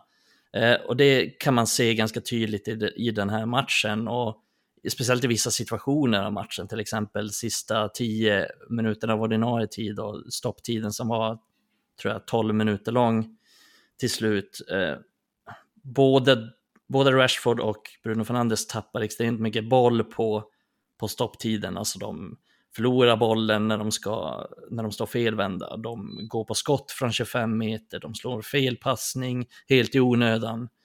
Eh, och sådana saker som gör att det blir liksom lite Hawaii-spel eh, i slutet av matchen som gör att vi förlorar kontroll. Alltså, det jag vill komma fram till är att vi har svårt att kontrollera matchen när de spelar så som de gör, men de är ändå livsviktiga för laget eftersom de är de enda som kontinuerligt gör poängen någonstans. Eh, så att jag, jag gillar inte det alls, jag får panik när Rashford tappar boll hela tiden. Han springer in i sina, han är expert på att springa in i blind alleys, liksom. Han får bollen och så springer han typ in i tre motståndare. Det kan vara helt tomt på andra kanten, men han springer ändå åt deras håll där de står. Eh, och det kan jag bli helt galen på, men man får ändå förlåta honom någonstans eftersom det är hans insatser som vinner oss matchen. Och väldigt ofta är det ju så också. Eh, så att jag tror att man bara får acceptera att det är så. Men jag hade ju önskat att han jobbade lite på sina svagheter kanske. Att han behöver inte bli världsbäst liksom på att passa bollen. Men jag tycker att man kan kräva att han inte ska ge bort den hela tiden, att han ska kunna värdera bättre. Sen behöver han inte vara bäst i världen på det, men... Man kommer, han, han behöver inte komma ner ibland och tro att han är Michael Carrick, som när han ska försöka sätta den i djupet till Anthony någon gång där. Det är ju en av de sämsta jag förstår inte ens vad han tänker att han ska göra då eh, under första halvlek någon gång. Nej, och det är, alltså det, det är så kostsamt, alltså det låter lite töntigt att säga, men det är så kostsamt när man ger bort bollen, när man är eh, ett sånt här storlag och man möter lag som, som bara vill maska, som bara vill, som bara vill liksom få tiden att gå, som bara vill ta varenda situation och dra nytta av det. Och då blir det kostsamt när man hela tiden tappar bollen och då tappar man också momentum och man får aldrig, man får aldrig något riktigt ordnat spel, men jag måste ändå säga att i, det här hände ju framförallt i slutet av matcherna. Sen visst tappar Rashford någon boll här och där. Bruno Fernandes tappar någon boll här och där, men det är inte överdrivet mycket de tappar bollen i liksom stora delar av matchen ändå. Eh, och det är därför jag tycker att vi kan ha ganska bra momentum, vi kan kontrollera matchen ganska bra. Det är för att vi är, i den här matchen så är vi bättre på att inte ge bort bollen än tidigare matcher och det har ju att göra mycket med att Nottingham backar hem, att de inte sätter någon press på oss så att det blir lite enklare passningar att slå. Men eh, nu kommer jag in på det själv, du tänkte fråga om Anthony också. Och varför är Anthony bra i den här matchen? Jo, för att vi kan ha ett kontrollerat anfallsspel. Det blir inte så mycket svängningar fram och tillbaka. Och han är som bäst när vi får eh, liksom bibehålla de anfallen och vi får anfalla gång på gång och han kan kombinera sig fram med andra och han kan slå lite passningar in i straffområdet och han kan slå lite inlägg där och då är han som, då är han som bäst. Han är, han är inte bra när matcherna svänger fram och tillbaka för att han är, nu är inte Adam här och kan försvara sig, men vi hade någon diskussion där om att Antoni, är han långsam eller är han inte långsam? Adam envis påpekar att han är snabb och han är fan inte snabb. Och han, han har jättesvårt att ta sig förbi motståndaren. Liksom. Vi kan inte kontra med Antoni för han kommer aldrig ta sig förbi någon i omställningsspelet som kanske Rashford, eh, Garnacho och så vidare kan. Han är också ihopsydd i arslet, som jag har påpekat om Jadon Sancho innan. Ja, precis. Så ja, nu, min, nu vet jag inte ens vart jag kommer här, men, men han, han är bättre i den här typen av matcher och, och då visar det sig ganska tydligt att ja, men det, då är han en nyttig spelare och det är det här jag har försökt säga så jävla många gånger att det, det är så jävla lätt att säga bara, ja, men han är kass eller han är bäst och han är kass. Alltså, det beror så jävla mycket på hur laget spelar i den matchen och vad det blir för typ av matchbild som passar eller inte passar deras styrkor och deras egenskaper. Och den här matchen passar Antonis egenskaper och då är han bra. Mm. Och sen får man säga så här, alltså, ja, han måste leverera poäng han ska ha en assist i den här matchen. Att Bruno Fernandes missar det där, det, det ska bara rullas. Att, han kan inte missa mål på det där läget. Det, det, får inte hända. Och sen är han ju en världsklassräddning från Turner ifrån att göra mål också. Så att, eh, han trivs ju uppenbarligen bättre här och han gör ju väldigt mycket för laget. Han är, han är ju duktig på att hålla i boll, det har du ju sagt 70 000 gånger tror jag. Mm. Men det, men det är lite samma med Sancho, han har ju lite samma egenskaper också. Ja, ja. Han är ju bra när vi möter samlade försvar, när han får liksom kombinera sig fram. Det är det han behöver. Han, behöver inte, han är inte heller bra när det blir omställningsfotboll eller han behöver liksom ta de här snabba besluten där han ska slå en boll från egen plan halva djupled till någon eller springa själv i djupled. Han är inte bra på det. Att, mm. Men sen är väl kvaliteten bättre överlag också. Alltså, jag tycker besluten är bättre än vad vi har nämnt innan. Eh, som vi säger det här med skott när vi ska passa, när vi ska skjuta. Men också kvaliteten typ på skott och sådana här saker. Absolut att Turner inte ska fappla ut den ena till en hörna, men Brunos skott som leder fram till, till 1-2 målet. Det, det, är bättre kvalitet på det här skottet bara som gör att vi ens får tag i en retur. Eh, och att vi kanske har Martial just där då, som är lite bättre på att läsa av den än vad Rashford är eh, när någon skjuter. Lite ja, mer på tå. Eh, alltså, det, lite sådana det är också, Exakt, och det är också du ställde frågan men varför är Rashford bättre i den här matchen, varför är Anthony bättre? Och Anthony förklarade det precis varför, men varför är Rashford bättre, varför är Bruno Fernandes bättre? Jo, men för att Rashford spelar på sin position på vänsterkanten. Så jag tycker den är ganska enkel och det är, liksom, det är jag helt övertygad om. Det är därför han är bättre i den här matchen. Han kan utgå från sin vänsterkant och göra de sakerna han är bra på där genom att utmana och kanske vika in och gå på skott och centralt så får han inte till det. Han får inte de han får inte det utrymmet att göra de sakerna och då blir det mer att han ska kombinera sig fram, att han kanske lite små nätspel inne i straffområdet och det är han inte så bra på. Eh, och Bruno Fernandes trivs ju också i den här matchen och det är ju för att eh, vi kan kontrollera matchen så tydligt och att de backar hem så mycket så att han hela tiden, han, han kan ju spela nästan som en forward. Eh, och hans, eh, om man kollar på så här snittposition som han har under matchen och som hela laget har, så är han extremt mycket högre upp den här matchen än han har varit de tidigare matcherna. Eh, jag tror att om det var mot Tottenham till och med så har Mason Mount en högre utgångsposition än vad, än vad Bruno har. Eh, och Bruno är nästan snittposition på mittlinjen typ. Eh, och då spelar han ju mer som en mittfältare, så, och det tycker inte jag riktigt han passar som. Så att Hans styrkor är ju att göra mål, göra assist, avgörande passningar, avgörande skott, vilket vi ser i den här matchen. Och det får han utrymme för när han spelar högre upp i planen och det gjorde han i den här matchen. Mm. Eh, Ebba, en fråga till dig här. Nu har du fått live lyssna på en, en fem minuters monolog om Mikael Krekula innan här. Hur känns det? Det känns som att eh, historia har skrivits. Ungefär så.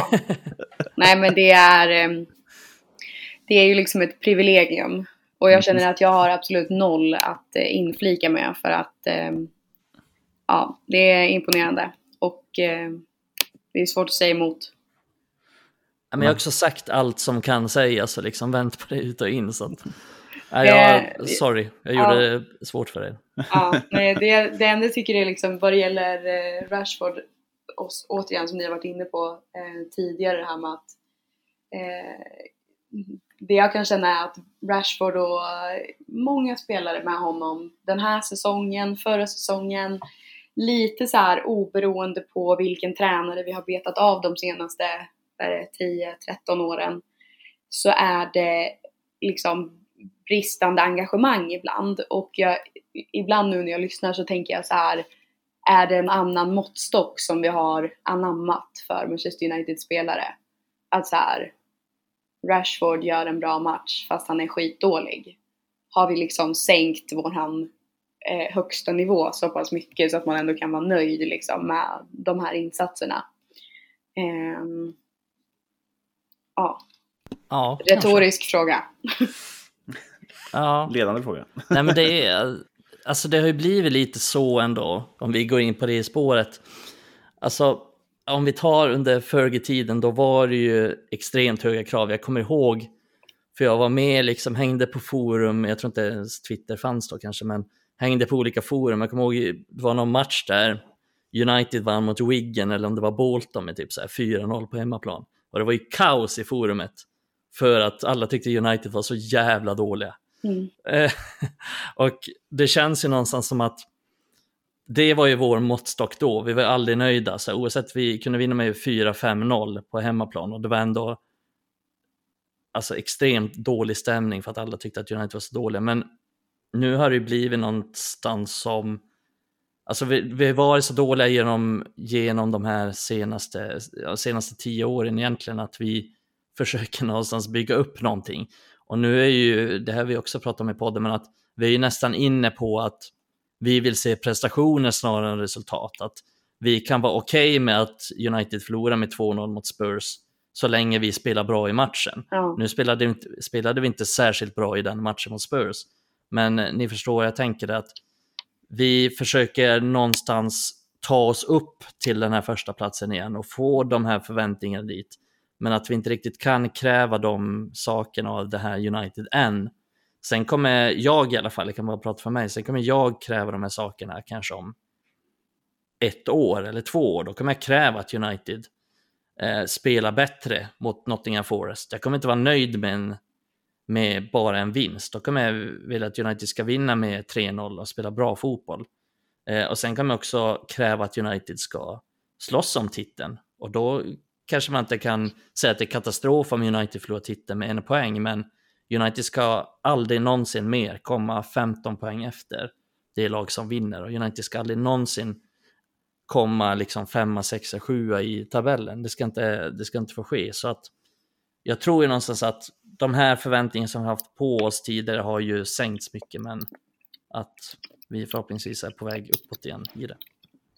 Mm. Ja, nej, alltså kan inte mer än hålla med i båda två egentligen. Eh, och, och, och på något sätt så, så har man väl accepterat, jag har i alla fall accepterat att vi är i en, och varit ganska länge nu i, i någon form av eh, förändringsfas. Liksom, och, och, man får bara acceptera att vi inte är lika bra som vi var. Eh, det är många andra lag som också har blivit bättre, det får man fan inte glömma.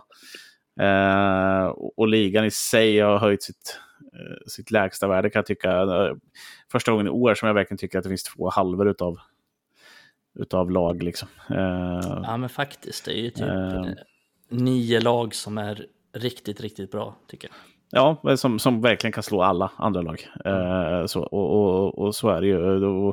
Man kan åka borta mot säg ett lag där nere, Everton, och få stryk också. För att de har Sean Dyche som kan göra en, en toppmatch och Brighton kan få stryk mot West Ham fast man bara slår 13 passningar på en halvtimme. Eh, ja, alltså, alltså för att liksom, det får man också sätta i perspektiv. Så att även om United såklart har mycket mer pengar så har ju liksom West Ham spenderat för över en halv miljard liksom i sommar. Så att alla de här lagen har ju enorma resurser. De är faktiskt, över, de är faktiskt över miljarden nu när de börjar vara Kudos. Ja, de precis. Ja.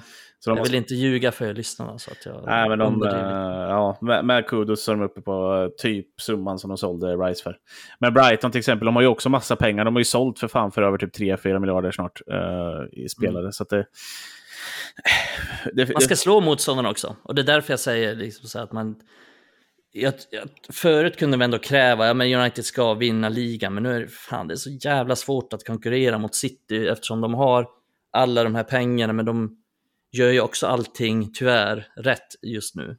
Vad gäller värvningar, vad gäller tränare, vad gäller ja, men allting egentligen. Så att det är ju, ja, det är svårt att, svårt att begära att vi ska slå dem, men jag tycker att vi kan begära att vi ska konkurrera med dem. Och det har vi inte gjort.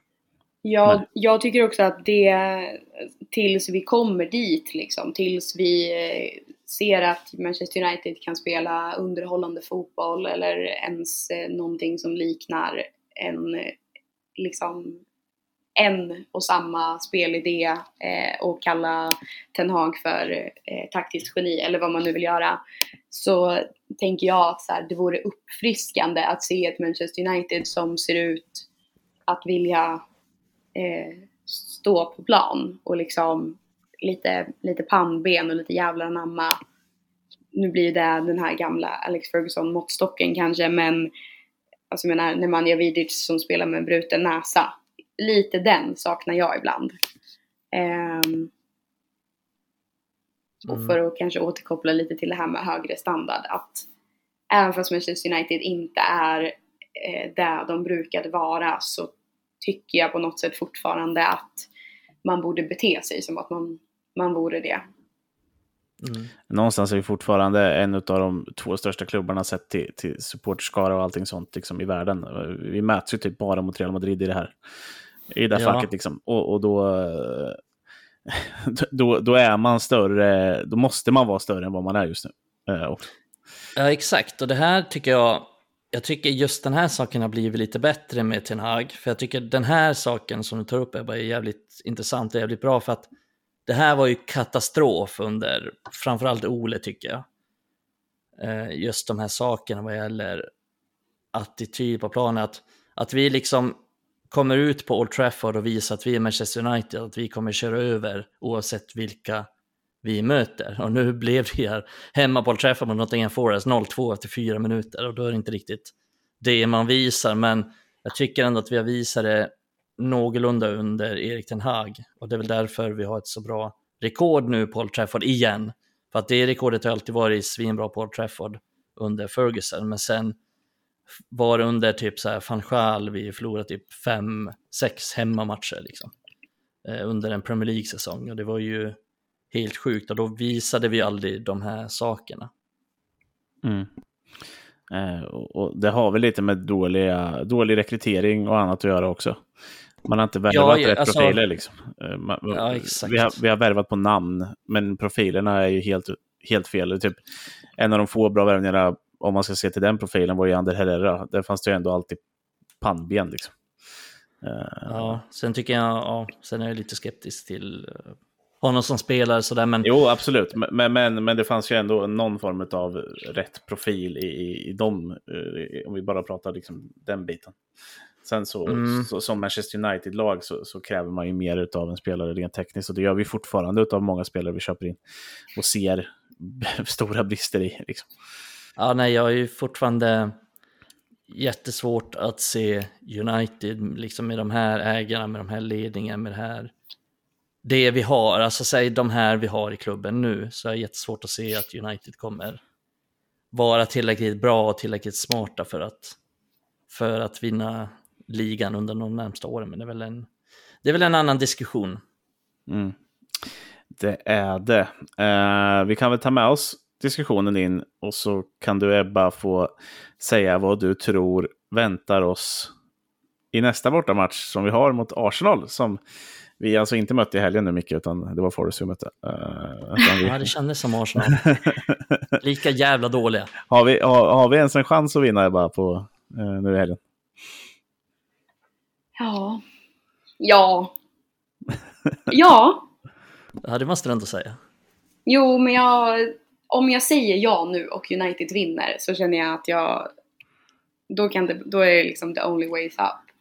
Ja. Eh, och säger jag ja och United förlorar med 7-0 så är det ändå okej. Okay. För att eh, då kommer alla säga hon trodde inte ens på det själv. Men eh, ja, jag vet inte, ni pratar ju om eh, drömresultat och sådär och det är väl den här 2-2 eh, optimala resultatet igen kanske. Eh, jag vet inte. Du kan inte, Men- du kan inte komma och säga att ditt drömresultat är 2-2 nu. Det, Nej. Jag, kan, jag kan inte ha en repris på det. Alltså. Nej, men ändå liksom men nu ändå United lyckas vända 2-0 underläge till en 3-2 vinst. Arsenal kryssar. Ehm, får väl ändå säga att liksom det finns ändå en realistisk chans att United kan vinna. Ehm, Mm. och Ja, det är eh, klart det finns. Ja, det, det vore liksom inte, det vore liksom inte en skräll. Eh, och hoppet är det sista som överger en på något sätt. Ja. Nej, nej, absolut. Nej, jag skulle ändå vara hyfsat nöjd med 2-2.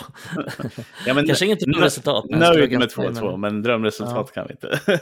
Nej. Näm- inte nämna igen.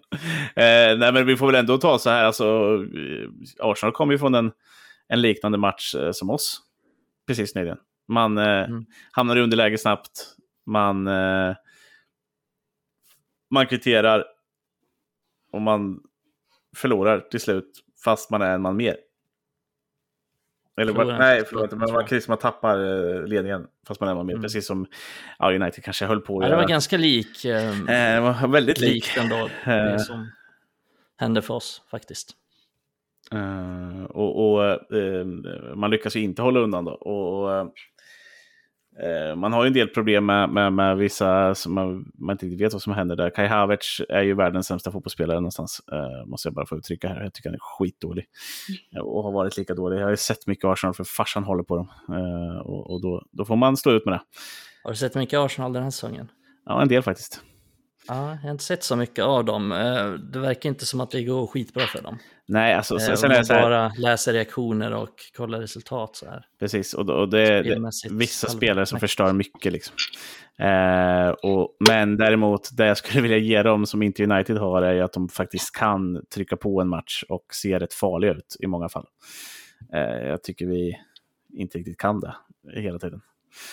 Ja, men de, har, de är ju någonstans lite längre fram i sin process än vad vi är. För att Mm. vi har ju också, alltså båda klubbarna har egentligen varit i samma läge där de har eh, underpresterat år efter år och sen gjort någon slags omvändning eller helomvändning för att försöka få till det liksom och sen lita på att tränaren löser det. Och för deras, alltså från deras synvinkel så gick det ju ändå, det gick ju bra för dem förra säsongen.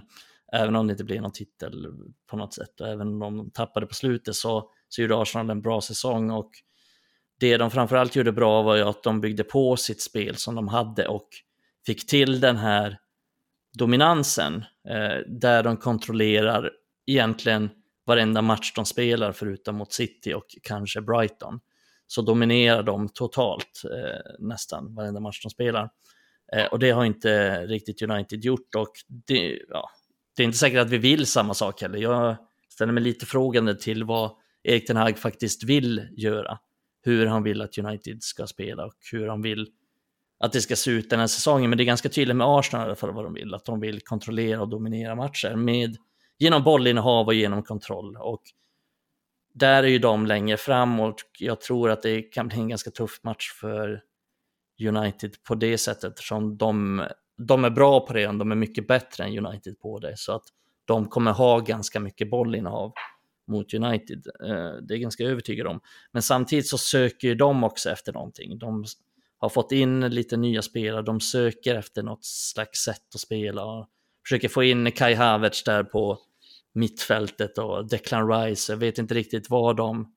Jag har inte sett så mycket av Arsenal den säsongen, men eh, det lilla jag sett så försöker de med någonting som jag inte riktigt vet vad de försöker med. Liksom att de har frångått lite det de gjorde, förra, gjorde så bra förra säsongen. Och det är lite som att han har, man märker att han har gått i peppskola, liksom, Arteta, att han försöker lösa någonting som inte behöver lösas kanske. Jag tycker Ja. det är det som, eh, jag har inte heller tittat jättemycket på, på Arsenal, men det som känns är väl att det inte känns lika självklart som det gjorde eh, förra säsongen. Eh, och om det beror på liksom nyförvärv eller Eh, något annat är svårt att säga, men känslan jag har också inför eh, United-Arsenal är ju att om United nu kan drista sig till en eller eh, gud förbjuder tre poäng så känns det ju inte som att det kommer vara välförtjänt. Eh, sett till, som du sa Nej, Mikael, att. Arsenal har kommit lite längre. Man har ju hittat liksom en kontinuitet på ett annat sätt som United under Ten Hag inte har eh, än. Och även fast vi vinner matcher så är det ju liksom väldigt sällan som man känner så här att det är jätteväl förtjänt och eh, helt rätt kanske alla gånger. Mm. Vilket då Arsenal-supportrarna kommer vara väldigt snabba med att poängtera också oavsett hur det går. Därför kommer det vara extra skönt när vi vinner. Ja, men då Exakt. måste vi också komma ihåg att det är det alla räknar med med tanke på hur mycket pengar United har spenderat i förhållande till Arteta. För det är ju alltid det viktigaste. Mm. Ja, exakt. Men- Du är från Arsenal som aldrig har spenderat någonting. Inte en Nej. krona.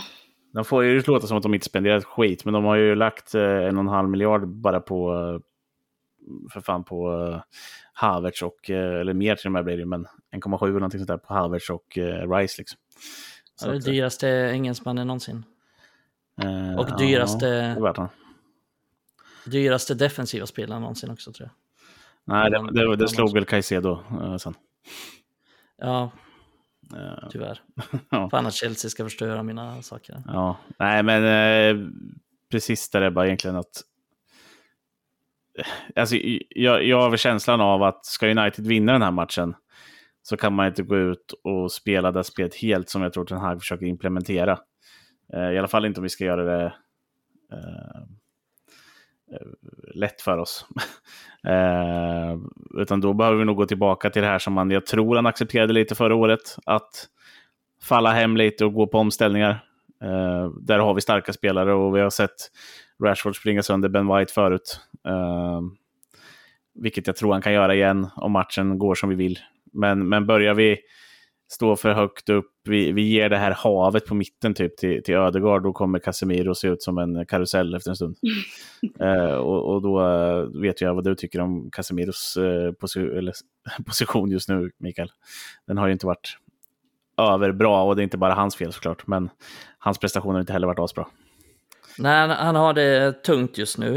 Eh, och han ser väldigt seg ut. Jag hoppas att det bara är tillfälligt. Men jag är extremt orolig för mittfältspelet för den här matchen. För att eh, Mason Mount är borta och jag tror att han hade varit perfekt i den här matchen. För han orkar springa, han är en bra pressspelare. Han är också tillräckligt skicklig med bollen för att kunna spela sig ur lite trängda situationer. Eh, och sen kommer jag sakna Fred i den här matchen. För jag hade velat ha hans energi och hans eh, löpvillighet och hans pressspel också i den här matchen.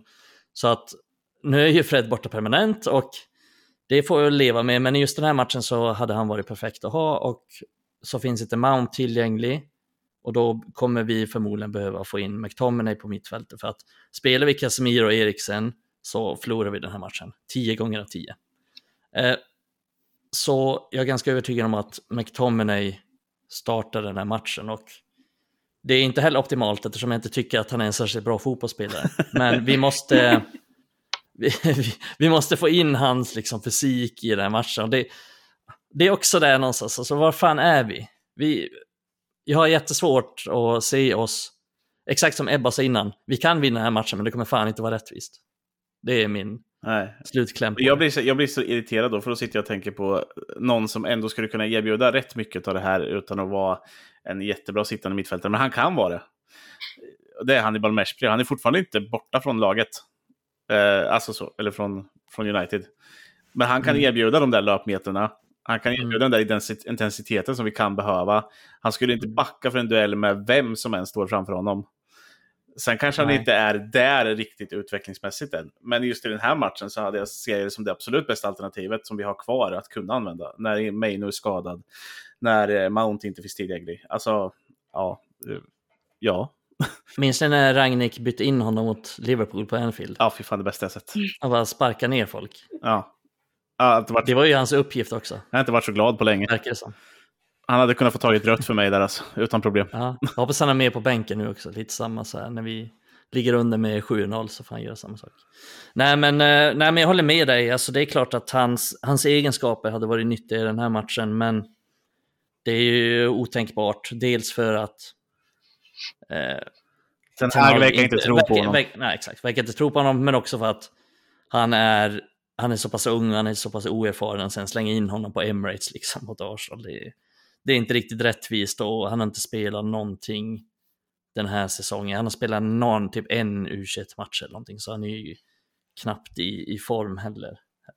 Så nej, det, nej det, det blir ju liksom problemet att lösa, eh, det här mittfältspelet. Och, eh, som blir det svåra. Sen tror jag att framåt så är det ju, är vi ändå hyfsat bra ställt och förhoppningsvis så finns ju Höjlund på bänken i alla fall och kan kanske komma in om det behövs, men, men just i det spelet så är det inte så stora bekymmer.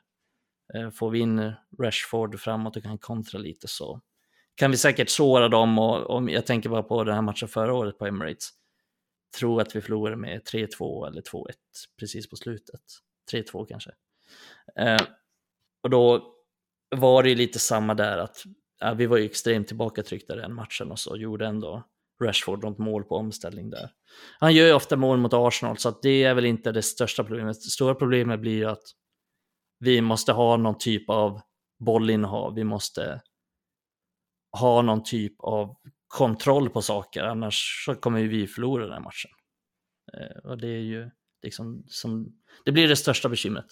Ja, sen så finns det lite andra bekymmer för United. Varann går ändå av i halvtid. Jag har inte läst något om varför det var. Eh, någon smäll var det. skadad som vanligt. Ja, eh, nu gjorde Lindelöf en ganska bra insats tyckte jag han kom in. Eh, var ändå mm. tuffare än vad jag sett honom på länge, även om det kändes som att han bara hoppade in i saker ibland. Ja, det, det oroar mig inte så mycket. Alltså, jag förstår att du, det är rimligt att ta upp det, men just det oroar mig inte så mycket Nej. mot Arsenal, för jag tror att Lindelöf kommer göra det ganska bra. Men, men absolut, vi har jävligt många skador. Och vi ja, har vi har Shoa borta, Malassia inte med, vilket gör att Nej. Ja, alltså alternativet är ju Dalot igen då, för vi kommer ju inte ha, oavsett om vi pratar Alonso förut, och sånt där, oavsett om det kommer in en vänsterback imorgon, så, så den här kommer inte se den här spelaren som matchfit, för vi kommer inte värva en spelare som har spelat de tre första omgångarna i sin klubb. Eh, så kommer det inte se ut. Eh, utan det kommer vara en spelare som inte är önskad av sin klubb i så fall. Eh, och då har vi Fernandes och vi har Dalot. Och det kommer, uh, kommer inte bli Fernandes om man tittar till att han inte ens fick spela förra matchen. När han kanske hade varit ett, ett bra val. Eller åtminstone en bra, val och, och testa, en bra match att testa i. Uh, så då kommer vi stå där med Dalot igen och hur ser vi liksom? Då blir det ju AVB, Lindelöf, Martinez, Dalot. Mot Saka. Dalot mot Saka känns inte aslockande. Nej, vi har verkligen behövt show i den matchen. Han är bra i de situationerna. Uh, ja, han, han hade varit nyttig på många sätt. Hans uppspelsfot, hans en mot en defensivt och hans styrka, löpstyrka, styrka i luften och alla sådana saker hade också varit uh, bra att ha, men nu, nu, har vi inte honom. Men ja, eh, det är inte optimalt såklart, men jag är inte superorolig ändå för de positionerna just i backlinjen, utan det är, det är mittfältet som jag tror att vi kommer ha stora problem med. Mm. Vad säger du Ebba? Ja, det finns inte så mycket att... Eller jag har inte så mycket att tillägga. Du är så uttömmande när Mikael eh, pratar. jag, jag, ska hålla, jag ska fan inte säga någonting mer nu. någonting, kläm ur dig något. Har du någon annan tanke då runt, runt matchen eller runt hur United ska ställa upp? Spelar Nej. vi med Rashford längst upp eller får han spela till vänster? Liksom? Eller vart? Jag hoppas att han får spela till vänster. Eh, då kan man liksom inte ha den ursäkten i alla fall att han inte får spela på sin önskade position igen. Samtidigt som jag är så här, så länge vi inte har ett bättre mittfält än, än så här som vi har i dagsläget med tillgängliga spelare så uh, ja, jag vet inte. Spelar det någon roll då om uh, Rashford slår till och gör ett hattrick, då kommer United eh, liksom släppa igenom fyra åt andra hållet. Eh, känns det som. Mm. Sen liksom ytterligare en sak, jag såg att eh, Mikael hade eh, du hade twittrat om det eh, under matchen häromdagen, det här med fasta situationer. ja. eh, nu fick väl United kanske lite utdelning då på någon fast situation. Där, ja, jag jinxade lite där. Eh, så det var ju bra, du kan fortsätta med det. Men Det där är en sån sak som jag vet jag också varit arg på Twitter om det att hur jävla svårt ska det vara? Eh, för United är ju verkligen värdelösa på fasta situationer. Och, Arsenal är jävligt bra på fasta. Ja och då är det så här, hur, hur många eh, liksom, experter behöver vi anställa? Eller vad, vart ligger problemet någonstans?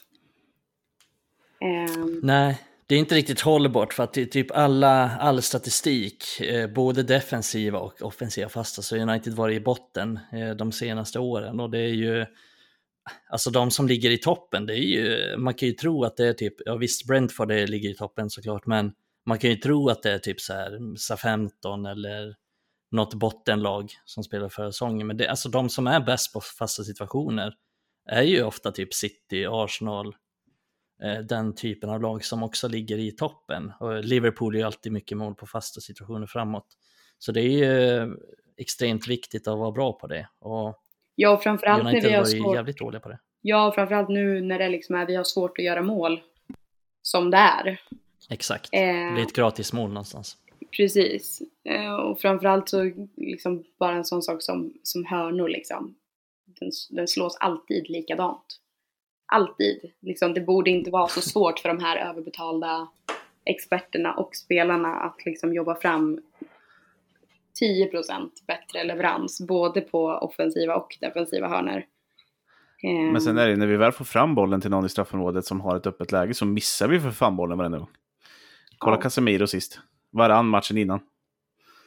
Jag lovar att om Maguire går till West Ham så gör han typ 10 mål med huvudet i, direkt. bara i ligan. Ja, men då Ja. har han ju Ward Prowse som kommer stå och pricka huvudet på Ja, honom. men ändå. Det är, ja, men han, han, faktiskt så missade han ju, han fick en del bra lägen i United, men ja, det finns någon jinx kring oss på fasta situationer. Ja. Ja. Eh, nej, men jag vet inte. Ska ni få, få tippa ett resultat då? Ett, ett troligt resultat. Jag hoppas på 2-2. Du hoppas på 2-2. Nej, jag, eh, hoppa, jag hoppas på eh, 8-2 till United. Det är, idag för 12 år sedan så vann United med 8-2 mot, mot Arsenal. Vi kör väl på samma igen. Ja, det blir bra. trevligt. Tom Cleverley kommer in på mittfältet och dominerar. Han är kontraktslös nu. Anderson borde också vara kontraktslös.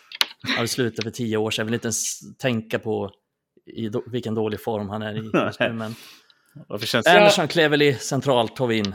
Free transfer. Jag har en önske free transfer som också är högst realistisk. För Jag. att det var, bortsett från det. Jag såg en eh, presskonferens från MLS förra säsongen. Eh, när också den här liksom, vem ska göra mål-frågan var på tapeten. Eh, även förra säsongen. Och då var det ju en viss mexikan som Mm. erbjöd sig att komma gratis. Eh, om United bara ringde. Så att eh, Chicharito, eh, jag säger bara ring honom. Han kan lösa våra striker, strikerproblem. Han vill, ju Han så ha, gullig. han vill ju ha en rutinerad och en, eh, en eh, talangfull, sa han ju inför fönstret. Exakt. Den här. Det är konstigt Ja, att men- det inte är liksom, eh, vad heter han, Fabrizio Romano liksom inte spekulerat kring Chicharito. Jag tycker att det är under all kritik. Han är älskvärd, vem fan gillar inte den lilla ärtan liksom? Det, Precis. Ja, han, han kommer aldrig bli det rutinerade alternativet. Han kommer alltid vara det unga, talangfulla alternativet. Ja, ja, närmar sig 40 men Alltså- han kommer ändå vara unga. Ja, men han är ju nästan, han är 88 tror jag, så han är 35. Ja. Eh, han ser, jag har inte sett honom i och för sig på några år nu, men jag tippar på att han ser ut som 17 fortfarande. Han har börjat få lite, lite mer åldrat ansikte tror jag jag såg han sist. Men, men eh, han ser fortfarande ung ut, så är det ju. Eh, och han har fortfarande kvar det där håret också. Så att, Spelar han fortfarande? Jag tror det. Jag är rätt så säker på att han spelar. Jag tänker att vi, innan vi avslutar tar vi en snabb googling och tittar. Shit, dit och, är någonstans här. Kommer alltid in på det Jag här. tror att han är kvar i, vad, eh, vad heter det, LA Galaxy eller? Ja, Åh fan, han måste ha spelat där länge va? Jag vet inte hur mycket Han han är- spelar dock men. current team, LA Galaxy. Nice.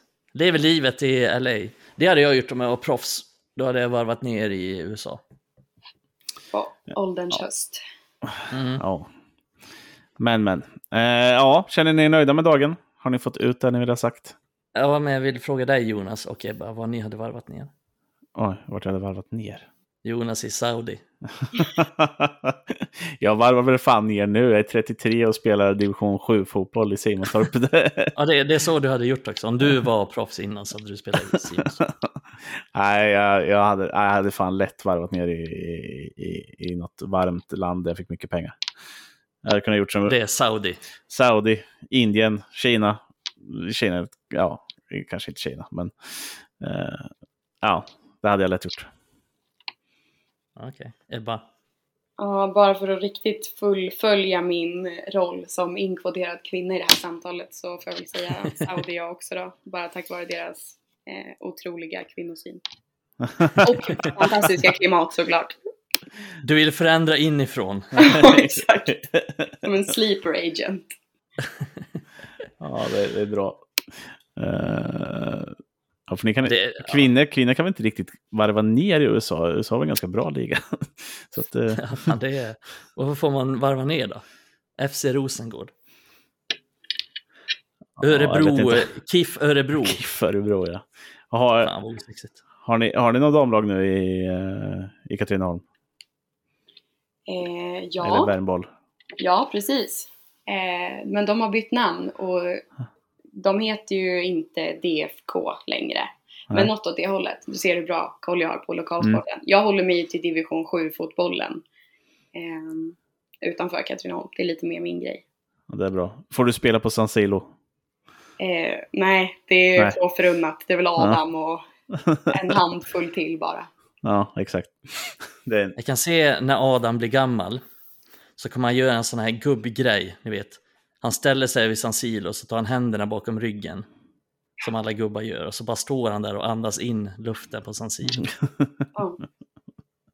Det är som gamla gubbar står på så här byggarbetsplatser. Sparka lite på någonting för att se trovärdig ut. Ja, exakt. Ja, det är bra. Nej, men hörni, eh, framförallt tack till dig Ebba för att du kom in här idag och gav oss alla kloka ord du har gett oss. Eh, hoppas, att du vill, hoppas att du vill komma tillbaka. Ja, absolut. Eh, Får vi se eh, vad era lyssnare tycker om ett svammel. Säger de något dåligt så, så skickar vi Adam på dem. Ja, precis. eh, Micke, tack så mycket för att du är här idag igen. Du är ju all, alltid här. Mm. Uh, Om inte Ebba får komma igen så kommer Adam äta i varenda avsnitt framöver. Ja, det... Jävla skit vi fick efter det.